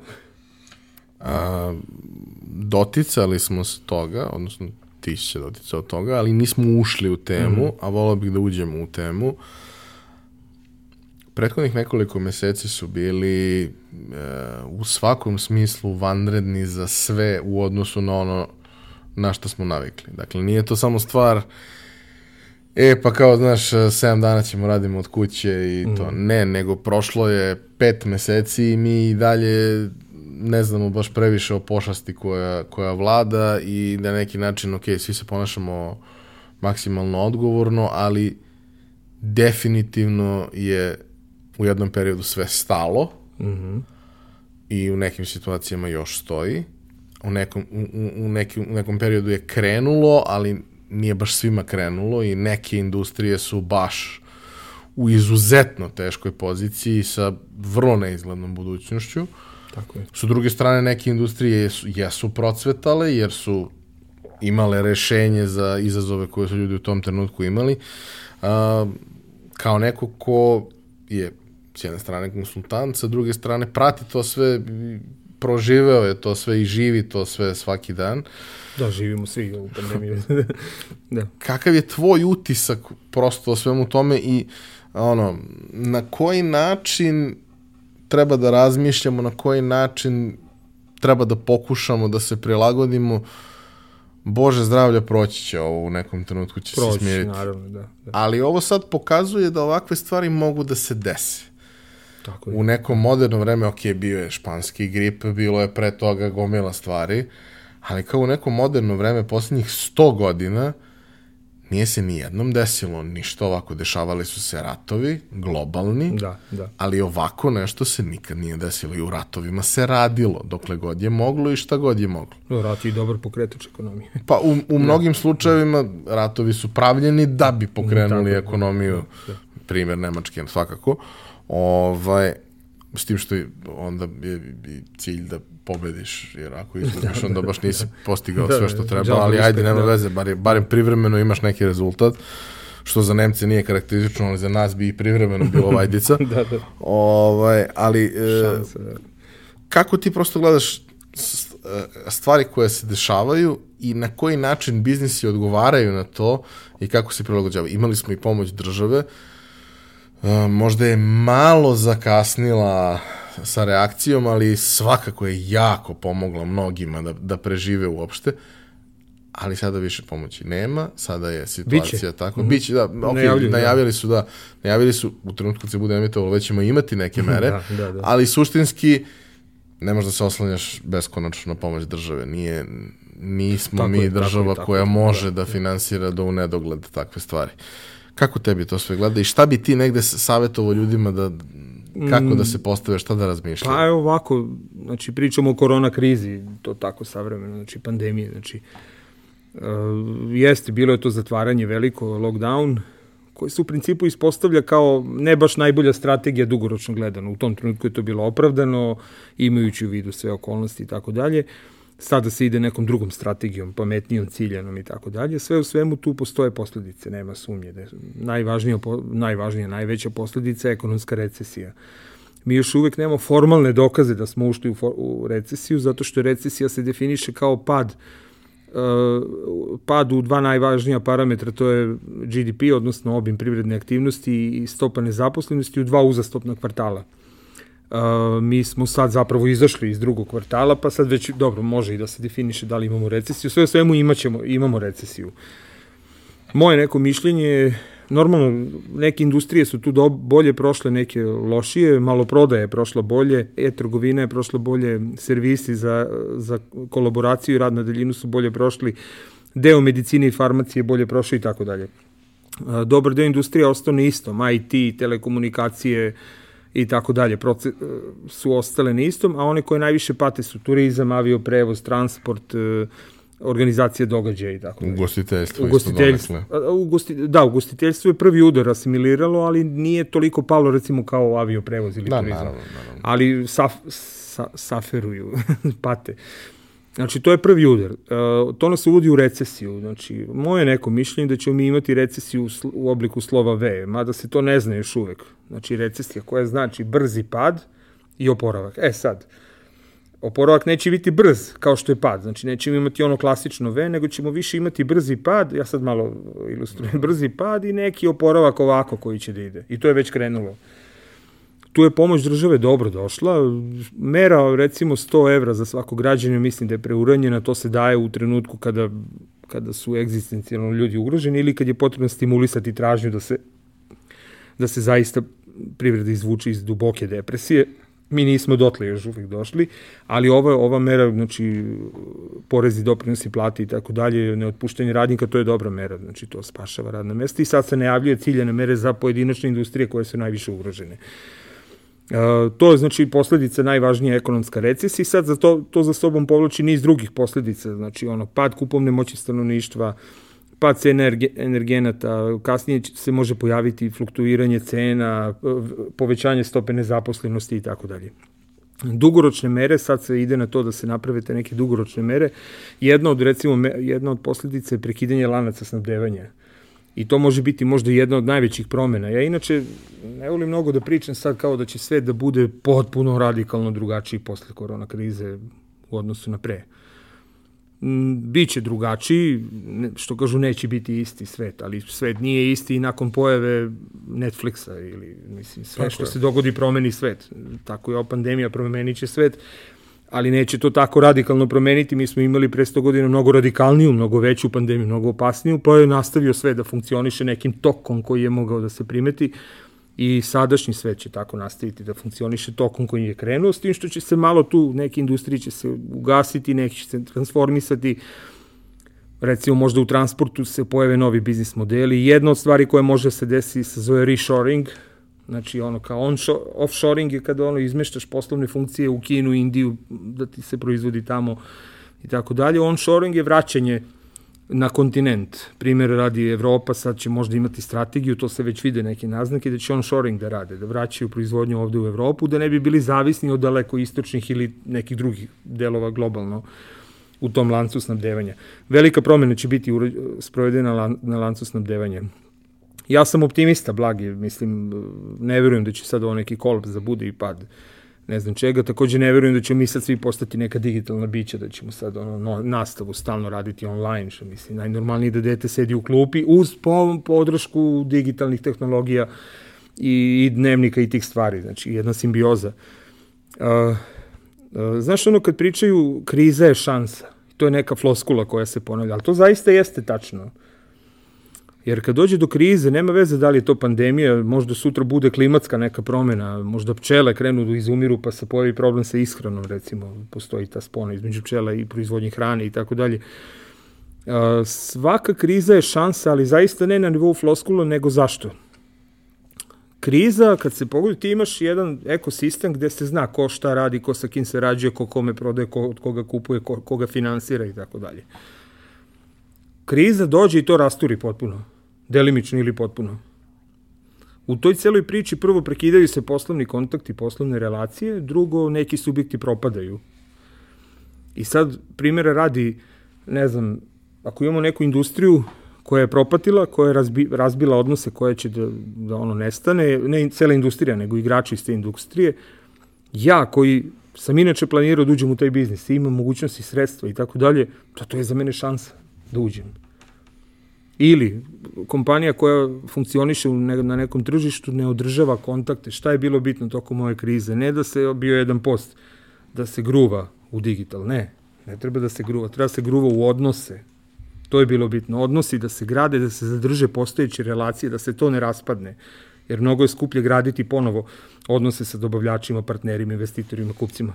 Uvek to. postoji taj jedan moment da prosto kriza je prilika i da sve one stvari koje nisi mogao da presečeš i oko kojih nisi mogao da se saglasiš, sad imaš dodatnu motivaciju. Jeste, imaš i motivaciju, a ajde da budemo malo onako i direktni, imaš i povod.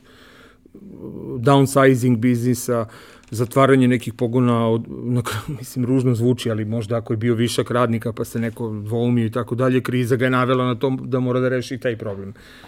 Da, mislim, ali, koliko god to surovo zvučalo, to su bolje je da 10 radnika izgubi posao, nego da 100 radnika izgubi jest, posao jer jest. se ugasi biznis. Pa i ne samo biznis, nego i cela mreža. Možda taj biznis uh, hrani nekog dobavljača koji, znaš, ono, možda kupuješ od jednog dobavljača gde on živi od tebe, ne od tebe lično, ali živi od jedne firme i onda ti kad prestaneš da radiš, prestane dobavljaš, pa se ceo lanac pokrene.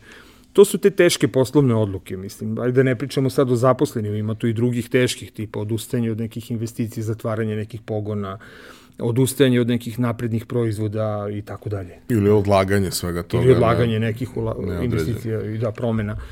Sve u svemu, to je ta kriza koja nosi šansu. Sad, ko će to da iskoristi? Naravno da Srbija verovatno neće iskoristiti šansu, niti mi imamo nekog kapaciteta, ali na tom nekom mikronivou zaista može se iskoristiti šansa. Evo, recimo, turizam je jako pogođen. Moja supruga se bavi turizmom. E, masa turističke agencije i subagentura će prestati da radi. To je šansa za nekoga za godinu i po dve da uđe u taj posao. Evo, konkretna šansa. Neko izlazi sa tržišta, tražnje će se povratiti, ljudi vole da putuju, to će se povratiti, jer se generalno privreda vraća, ono slovo V, pa ono polako. I ti sad imaš otvoren prostor da se pojave novi igrači.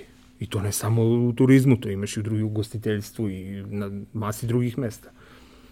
To je ovaj, tako da ja sam optimista, mislim da će biti ok, moramo da se pazimo, ipak je sad ovo zdravstveni problem, moramo da se pazimo, ali ja mislim da je najgore prošlo. Možda će sad na jesen opet da bude, ali neće sigurno biti ovo zaključavanje, sem ako smo suludi toliko da se tako radikalno zaključamo, jer to vodi, mislim da sad već možemo pametnije da se borimo protiv ovoga. Optimista sam generalno. Kaži mi, obzirom na tvoje prilično bogato i veoma raznovrsno iskustvo, šta su neke ključne stvari koje bi savjetovo i sugerisao nekome ko razmišlja da startuje sobstveni biznis. Zanemarimo sada trenutnu situaciju da, da, da, pandemije, da. nego prosto mnogi ljudi koji ulaze u to uh, ulaze u to nespremni, jedan od razloga zašto opstanu u tome i uspeju je zato što su ušli nespremni, pa nije imao ko da ih uh, pokoleba u svemu tome i ono što sam i sam sto puta rekao, da sam znao šta me čeka, nikad ne bih ušao, srećno da, nisam da. znao. Ovaj, ali šta su neke stvari koje bi ti uh, sugerisao o čemu da razmišljaju? Znaš, ne možemo mi da rešimo problem ljudima.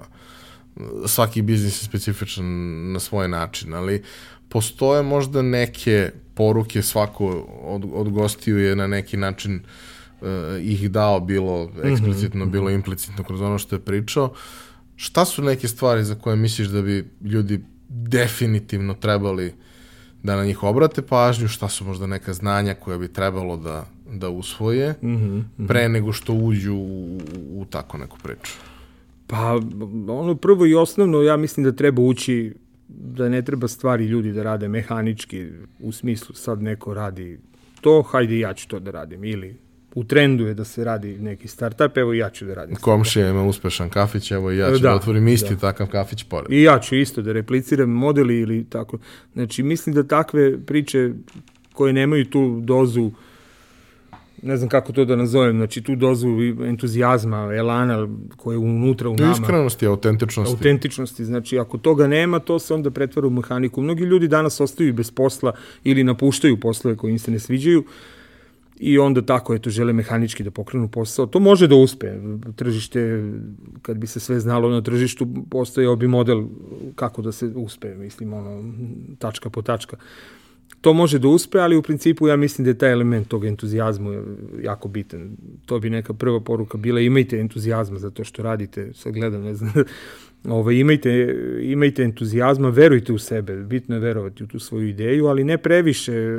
Ja često volim da kažem, nemojte se zaljubiti u proizvod koji radite. Ima jedna rečenica koju volim da ponovim, pre nego što uđete u vezu sa svojim proizvodom, morate raskinete. Znači, prvo raskineš, pa uđeš u vezu malo obrnuto nego u stvarnom životu. Nemojte se zaljubljivati u svoje proizvode i misliti da je to usluge ili rešenja, sada ne širim priču. Znači, nemojte misliti da to što ste vi smislili da će tržište, možda jeste to nešto idealno, nešto što nikad nije viđeno, nešto što može promeni svet, ali to ne znači da će promeniti svet.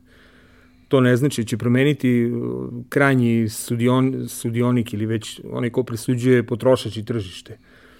I to je prvo, znači nemojte se zaljubljivati, imajte to nekog entuzijazma i uđite u posao. Drugo, nemojte odustajati. Sad ja kažem onako, nemojte kao ljudima da prenosim, zapravo ljudi to i gledaju, Nemojte rano odustajati, budite uporni. E, posvećenost je jako bitna, da se tu vidi neka posvećenost. Ne samo zbog nas samih i naših zaposlenih, tu posvećenost vidi naše partneri.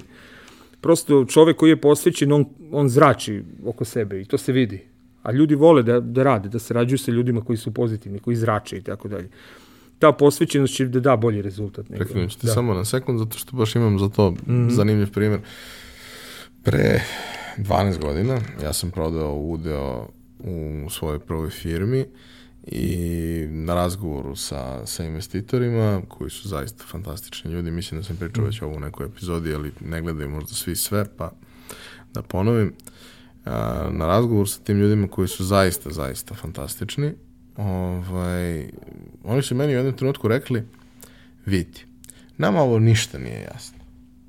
Ali razlog zašto mi želimo da uložimo u ovo je što želimo da uložimo u tebe. Mi verujemo mm. u mhm. tebe, mi verujemo da si ti taj koji zna i verujemo da nas nećeš prevariti i tako dalje i da ta količina ljubavi, energije, posvećenosti koju ti nosiš sa tim jednostavno ok, može da ne uspe, ali mi se nećemo kajati.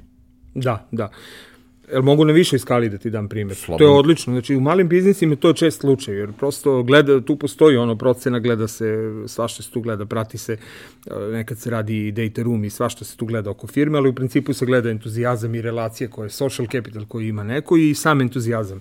Ali na većoj skali to funkcioniše. Evo, konkretno daću primjer, hem, jel smem da dam primjer? Slobodno.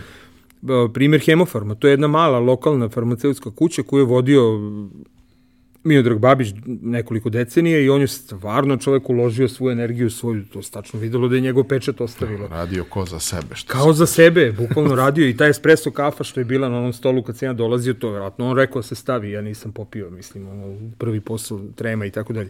On je uložio u to i tu se stvarno video taj entuzijazam. Ne, da ne pričam sad posle po sektorima što je bilo tog sektorašenja i tako dalje.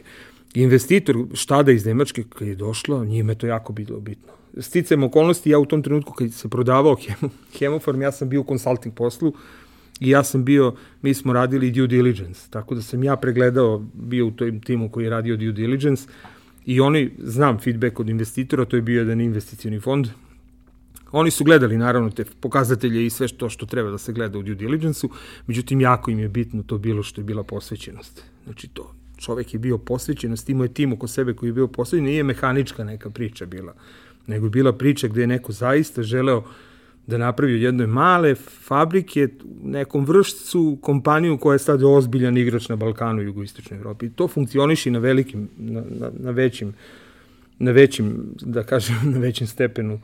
Naravno, to posle ide, kupi jedan investicijni fond, kupi jedan vlasnik, onda kupi drugi i onda to postaje, ajde, ta česta reč, mehanika. Ali bitan, taj entuzijazam je bitan i kod procene, to se, kad se rade te procene vrednosti, često to ulazi u ono goodwill. Ima ta pozicija kod procene vrednosti goodwill, to je razlika između neke trenutne tržišne cene po kojoj se firma prodaje i onoga što investitor spreman da plati. To je neka vrsta premije koju investitor plaća. Uh, goodwill mogu biti dobri poslovni odnosi, jak brand, uh, uh, IP, znači intelektualna svojina, ali i taj entuzijazam vlasnika. To ne može se materializuje kroz brojku, ali na kraju ti vidiš tu razliku između neke tržišne cene i onoga što neko plati. Pa Jer Apatinska najčešće... pivara je isto tako prodata, izvini što sam te prekinuo. A, ali njihova tržišna pozicija i brendovi koji su imali su bili apsolutni. Dva brenda, su, oni nisu, ali oni su isto bili posvećeni. Metalac Gornji Milanovac isto tako.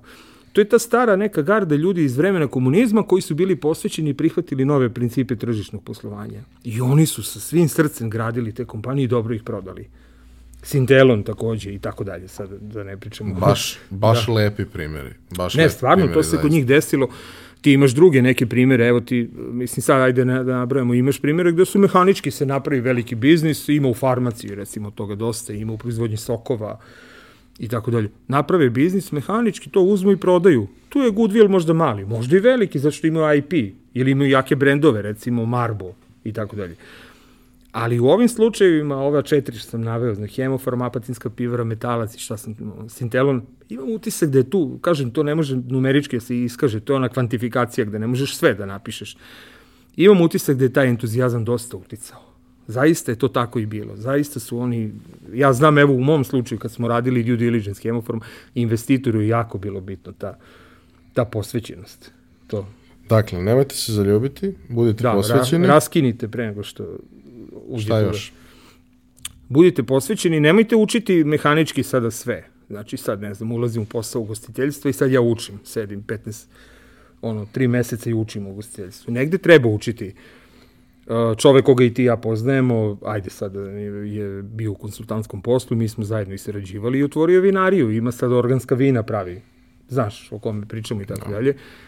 Uh, on svaki drugi, treći dan čovjek mora da nauči nešto, čita članke, znači moraš da se obrazuješ ako si u takvom poslu. Evo ja trenutno nešto sa pčelarima sarađujem, vrlo zanimljiva priča, i oni isto moraju da se obrazuju. Ali nemoj, nemoj sada pre posla odvojiti 4-5 meseci i sad ću ja da pročitam sve učbenike sa ekonomskog fakulteta i ja ću naučiti kako se radi menadžment. Ne. Uzmi nešto nauči, idi na neformalno obrazovanje, povezuj se sa ljudima, sedi na kafu, neko će ti insight neki He, preneti. Pročitaj one knjige za neupućene, for dummies. Može i for dummies, ali možeš i učbenik. I učbenik uzmi, ali nemoj da čitaš kao za ispit, nego uzmi preliste i vidi kako... Mali hint, mala, mala digresija. Teoretska znanja, ima dve grupe teoretskih znanja Jedna grupa su teoretska znanja koje idu ispred prakse. Znači, to je neki, neko je osmislio neki model koji misli da može da funkcioniše i to je neko znanje koje još nije primenjeno. Ali dobar deo teoretskih znanja je sublimacija onoga što se radi u praksi. Recimo, kad ti čitaš knjigu Filipa Kotlera, omraženog Filipa, ne znam sad kod koliko ljudi je omražen, ali u principu ti njegovu knjigu kad čitaš, 80% stvari to nisu neki iskoraci u smislu ovo bi trebalo da se radi, nego to je sublimacija kako Ovo smo radili. ovo smo radili i I ovako, radi. i ovako kompanije rade i tako dalje. Dobro, njegove knjige su više za kompanije, mada i on ima i drugih knjiga. Tako da, savjetujem ljudima, možda sam sad odužio sa tim savjetima, ako želite da učite, učite multifunkcionalno, multidisciplinarno. Nemojte linearno sad da uzmete, ne znam, tehnologiju nečega i da učite kao na fakultetu. Sem ako vam nije neophodno, ako, ne znam, ne krećete sa proizvodnjom vine ili alkoholnih pića ili tako nečeg specifičnog. A i za to uvek imaš čoveka koga možeš Tehnolog, da dovedeš normalno, i pitaš. normalno. I nikad nećeš postati Norm- usput tehnolog. Nego, Tako je, tako je. Znači, to, to neko učenje bi trebalo, kako da kažem, onako probrano, primenjivo i što pre da se prevede u implicitna znanja. Znači, prikupi eksterna, ta ek- eksplicitna znanja, ta opipljiva, napisana, kodifikovana i probaj nekako da usvojiš šta tebi treba. Znaš kako ja tu onda imaš to da učbenike, objasnim? knjige, da. Nauči da razumeš. Upravo to. E, eto. Ne treba da znaš da napraviš auto, Da, nauči da. da razumeš kako radi auto. Tako je, tako je. A da, da ti sad ja malo sad i ubrzam s ovim. Takođe, uh, pojedi svoju sujetu, mada u ranim fazama razvoja biznisa sujete i konflikti su normalna stvar. To je isto jedna, jedna od tabu tema. Konflikt je normalna stvar i ponekad je poželjan konflikt. Sednemo i posveđamo se. Naravno, ne I iz toga na kraju može da izađe neke, mogu da izađu neke super stvari. Mogu da izađu Mogu rešenja. izađu i neke loše stvari. Ali m- zapravo konstruktivan, Konstruktivan konflikt je konflikt, sasvim, tako je. sasvim normalna stvar. sasvim normalna stvar da ja te, neko, znači konflikt, znači, bitno je nemoj biti sujetan, nemoj, nemoj misliti ja sam alfa i omega svega, mada nekad kažem i to je dobro kao recimo u slučaju Steve Jobsa koji je smatrao da mu ne trebaju marketinška istraživanja, mada to nije tačno, ali u principu Mnogo je više volao da kaže nego što je zapravo radio na taj način. Da, Vrlo je on koristio je, to. da, pazi, ti ne moraš ti da sprovedeš istraživanje na tržištu da bi dobio insajte, ti možda pratiš druge rezultate. Ti možeš svakodnevnim kretanjem u tim krugovima da dolaziš do informacije šta kako funkcioniš A i to je drugo, ne moraš vrsta da radiš istraživanja. istraživanje ako imaš podatke. Pa to, znači ti dobijaš podatke, svrha istraživanja je da ti budeš informisan da znaš kako da radiš. Sve u svemu, sad ja sam, ovaj, nemoj, ta sujeta nije dobra i ima puno tih take-away ovaj, saveta. Bitan je tim, naravno. Bitan je tim, bitan je nešto što mi zovemo strukturni kapital. Strukturni kapital su ti sva znanja i iskustva, uh, način kako si odgovorio izazovima, način kako se ponašaš, znači sve ono neko i vidljivo i nevidljivo što je sadržano u jednoj firmi. A to sve zajedno uh, taj, so, taj ne social capital, social capital su zna, uh, relacije koje mi imamo, Kontakti. sa- kontakti i tako dalje i to je bitno. Taj strukturni kapital, to je ta sva znanja, znači to sve, mi zajedno pravimo taj strukturni kapital, gradite taj strukturni kapital. Ne moraju to biti zaposleni, ali može biti mreža vaših prijatelja, supruge, supruzi, deca, braća, znači to gradite tu jednu mrežu gde ćete aglomerirati znanje, iskustva i entuzijazam za razvoj posla dalje po meni je to takođe bitno, plus neodustajanje i tako dalje, ali opet kažem, to je sad sve relativno. Znaš, ako ti imaš proizvod, uslugu ili rešenje za koje je očigledno da ne može da uspe i guraš i vidiš da ne može da uspe i ne može, ali se nekad desi i da uspe. Ali nekad, znaš, odustajanje jeste opcija nekada. Prosto, nekad. Kad vidiš prosto da to ne ide, odustaneš. A nekad ne treba odustati, treba ne znam kako to da objasnim, treba proceniti celu situaciju, videti šta se dešava, ali ono generalno ne treba tako lako odustajati, Ja hoću nekako da kažem. volim to da postavim na način e, ne treba odustajati dokle god te to ne ugrožava. Upravo, da, prerano. Znači, da li da, možda je da. to varijanta, radiš sad to sa 200% kapaciteta i e, zaista ako se nastavi bez rezultata ugrozit će ti egzistenciju, Da, da. ok, spusti ga na part time, ali ako veruješ u tu priču, ostavi ga na part time i dalje se bavi time, da, trajeće malo duže, ali nisi sebe ugrozio. Kad si mlad, kad ulaziš u to sa 20 godina, kako možeš sebe da ugroziš? Mislim, ne možeš nikako suštinski sebe da ugroziš, ovaj, ali ako ulaziš u to nekim zrelim godinama, mnogo je kompleksnija situacija, Jeste, porodice, da, troškovi da, sve da, ostalo da. i tu mora da se bude malo, malo obazrivi, mora malo pametniji i odmerenije na neki način da se radi. Jeste, s tim što bih se ja na tebe nadovezao, to jeste tačno dok ne počnete ugrožava, ali zaista ima nekih ulaganja gde ti prosto vidiš da to, da to ne može da funkcioniše nakon nekog vremena. Ovi, nije greška odustati od takvih ulaganja. Ne kažem da sve, da sve tako treba da funkcioniše. Zato kažem... Ne Odustajanje je uvek jedna opcija, Uvek je neka opcija je da se pivotira Jest, ka nečemu jest, drugom. Jest. Mnogo stvari je napravljeno sa jednim ciljem, pa se ispostavilo Tako, da su u Instagram, svojoj drugoj da. ili trećoj drugom ili trećem pivotu zapravo našli svoju funkciju. Ja Tako nikad je, neću zaboraviti jedna od mojih omiljenih stvari, ljudi koji znaju, sam dosta nervozan čovjek ovako po prirodi, bubble wrap. Mhm. Bubble wrap je napravljen da bi bio tapeta. Mhm, Niko ga nije koristio kao tapete, bile su im odvratne. Iako su to bile godine u kojima je sve bilo čudno i one fotelje u obliku kugle plastične Mhm, i tako dalje, niko nije hteo koristiti bubble wrap kao tapete. Onda je bila varijanta pa dobro, što ne bismo probali, zašto može još da se koristi? Vidi, super je za plastenike. Aha, kao da, da, izolacija da, za da. plastenike. Da, da, da. Dobro, okej. Ali kao, mislim, to je vrlo limitirano tržište, koliko god da, da nije beznačajno. I onda je neko skapirao da ako umota u to, stvar ostane čitava. Da, da, da, da, I ima to. Potpuno se promenio svet. Sad neko je mogao da odustane na tome da Da, nisu da, da. dobre tapete.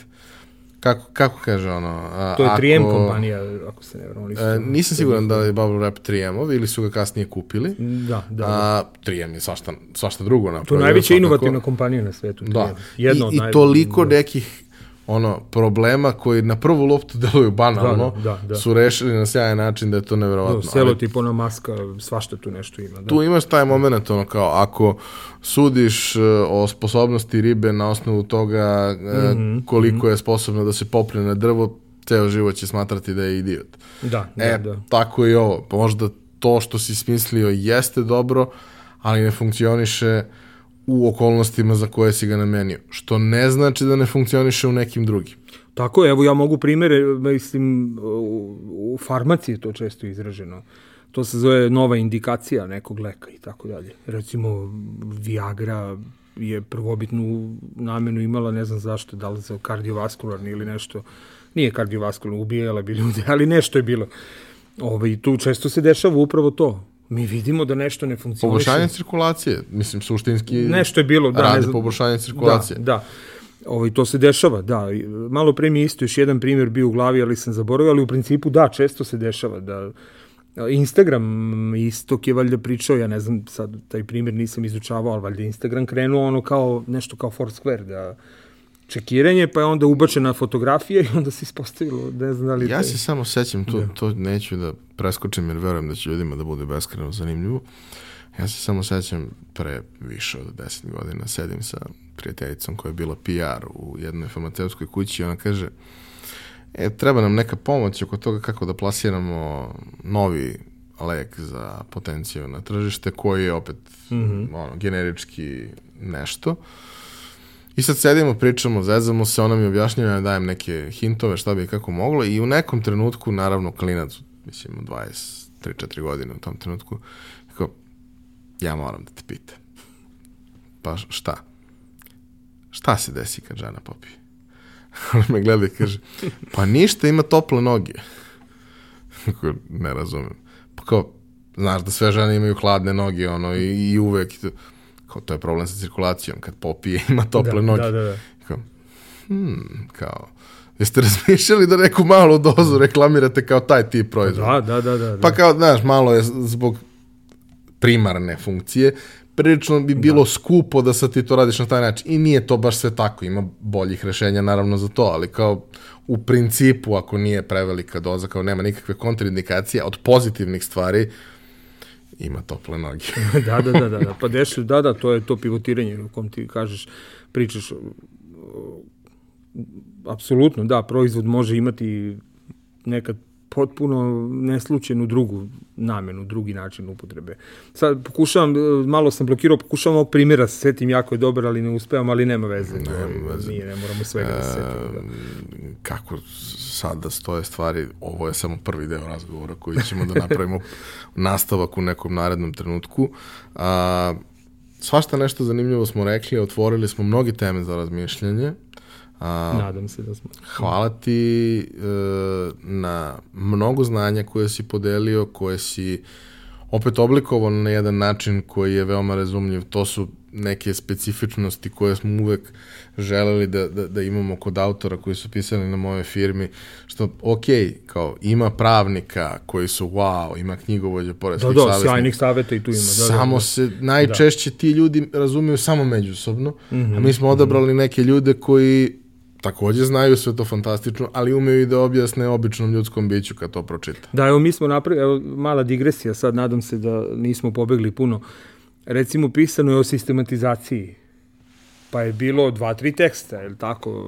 Ptiček je imao tekst, dobar, znači sa pravne strane, ne znam da li je Marija pisala, nisam siguran, i pisao sam ja. I sad moj tekst je bio kako, mislim da je to jedan od poslednjih objavljenih, uh, Uh, znaš, ti Udahnuti duh. Kako da udahneš duh sistematizacije, ti to možda uradiš kao dokument na 20 strana, 50 nije ni bitno koliko, da ispoštuješ zakonsku normu. Ali hajde mi da iskoristimo, ako već moramo da se bavimo organizacijom, jer to je pitanje organizacija i sistematizacija. Hajde da udahnemo duh tome, hajde da uradimo, hajde da ljudi kad već to rade da naprave, da to, to uradi da ima smisla, a ne da bude jedan od dokumenta koji u fiokama stoji. I evo recimo ja radim uh, malo, malo pa radim ne, neki takav projekat, ja insistiram na tome. Znači, uvedemo i principe menadžmenta unutar te sistematizacije, uvedemo i principe upravljanja promenama, uvedemo neke, recimo, imamo princip uh, privremeni i povremene organizacije jedinice, pa ne znam, bordovi, pa timovi, pa ne znam, sve to, ne, ajde da kažemo, zakonimo kroz sistematizaciju. Uh, Tako da, sad da skratim, e, na moje firmi je to dobro što možda umrežiš, pa imamo one linkove, znaš, pročitaš e, jedan članak, pa imaš linka drugom koji istu tu temu obrađuje. Tako je, to i je... svaka tema koja je malo kompleksnija mora da se obradi sa više da. stanovišta. Jedna od, jedna od toga je šta moraš da ispuniš da bi ispunio zakonski. Aspekt, da, da, Sa da. druge strane, funkcionalno, da, da. kad već to radiš da ti to nečemu služi i tako dalje. To je neki pristup ovaj, ko, koga smo se držali i koga ćemo se držati i u buduće kad budemo radili takve projekte. Ovaj, a nadamo se da, da će uskoro biti nekih novosti. Nadamo se, bila je dobra priča, moja firma ovaj, je dobra. Ali da, kao, postoji razlog zašto je taj portal i dalje čitan da, da, isto da. onoliko koliko je bio kad smo ga redovno ažurirali. E, izvini, ali imaš podatke čitan? O, da, da, i dalje, dalje to... je isto čitano kao što je. Stvarno? Eto, da. eto, baš mi je drago. Ovaj, meni je, znaš šta, kod mene je problem, ima ljudi naravno koji znaju jako puno, koji znaju u dubinu stvari neviđene, to mislim, ima, meni je problem što sam, eto, sticajem okolnosti, to je možda neko moje breme kroz karijeru, sam kroz razne stvari prolazio veće, manje, bitnije, manje bitne projekte, zaista mnogo toga, mislim, ono, jedan od zadnjih projekata je bilo Europska unija finansira i vehicle, ono, infrastruktura, punjači u šest evropskih zemalja, pa smo radili menedžerisanje ta dva projekta tri projekta, nije ni bitno. Znači, eto, to je ta raznovrstnost u projektima. I ja kad prvo što ja pojedem, evo koliko je sad minut, sat i 40 minuta pojedemo vreme, drugo, ja možda najbolje mogu to ljudima da pojasnim tako što se uhvatimo jedne teme, pa onda detaljno nju objasnimo i to je dobro funkcionisalo preko preko moje firme. Tako da, ono, šta da ti kažem, ja sam otvoren, moje kontakte da dam, slobodno kogod hoće neka zove, pita, neobavezno, tu sam. Da, ono, volim da podelim ekipa je takva da, znanje, da svakako ono, ukoliko vam treba pomoć, javite se, niko nije e, opterećen financijama. Ma ne, nekomercijalno potpuno, Prosto, da, da. svako je voljan da pomogne u da, određenoj da, da. meri, naravno ne preko sad neke granice gde opet to krene da ugrožava, da ugrožava da, stvari da, opet, koje, ono, koje da, su posao, da. ali dobro volja nikad nije. Pa da, meni je to, znaš, ono, kažem ti, ono, ja sam video da umem dobro da usvojim znanje i umem to da prenesem, nekad uspešno, nekad neuspešno, ali u principu umem da prenesem. I to je neka moja vodilja. Ove, eto, ja imam čak i neke planove, nešto svoje, pričali smo iza kamera ti i ja. imam te neke planove, tako da meni je zadovoljstvo, znaš, i kad pišemo, jeste nekad kad pišeš pa tema, pa moraš, pa ono, malo se skoncentrišeš, pa ajde dok napišeš, ali u principu zadovoljstvo je napisati nešto lepo, ti isto pišeš, verovatno znaš kako je to zadovoljstvo. Zadovoljstvo je preneti neko znanje i neko iskustvo, ne samo znanje, nego i iskustvo. Tako da eto, tu mene to na neki način ispunjava, možda zato nekad i opširniji neki status napišem ili se uključim u diskusiju, pa ne znam, uđem u detalje i to.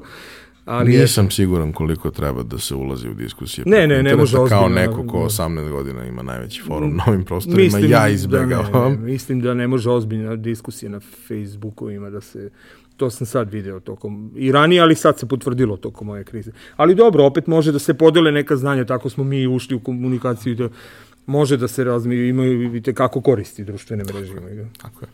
Tako da, eto, hvala. Igore, još jednom hvala što si, što si bio. Hvala, hvala tebi na pozivu. A, hvala vama što ste nas slušali, hvala Epsonu što nas podržava. Kao i do sada, sve vaše komentare, predloge, ideje ostavite na društvenim mrežama ili u komentarima na, na YouTube-u. Ovaj, mi ovo radimo zbog vas i zaista se trudimo da negde usvojimo i, i, i, i evaluiramo sve, sve predloge koje nam pošaljete, ne bismo li napravili sadržaj koji je maksimalno, maksimalno prilagođen da svako nešto za sebe pronađe u toj celoj priči. To je to. Čujemo se i vidimo sledeće nedelje.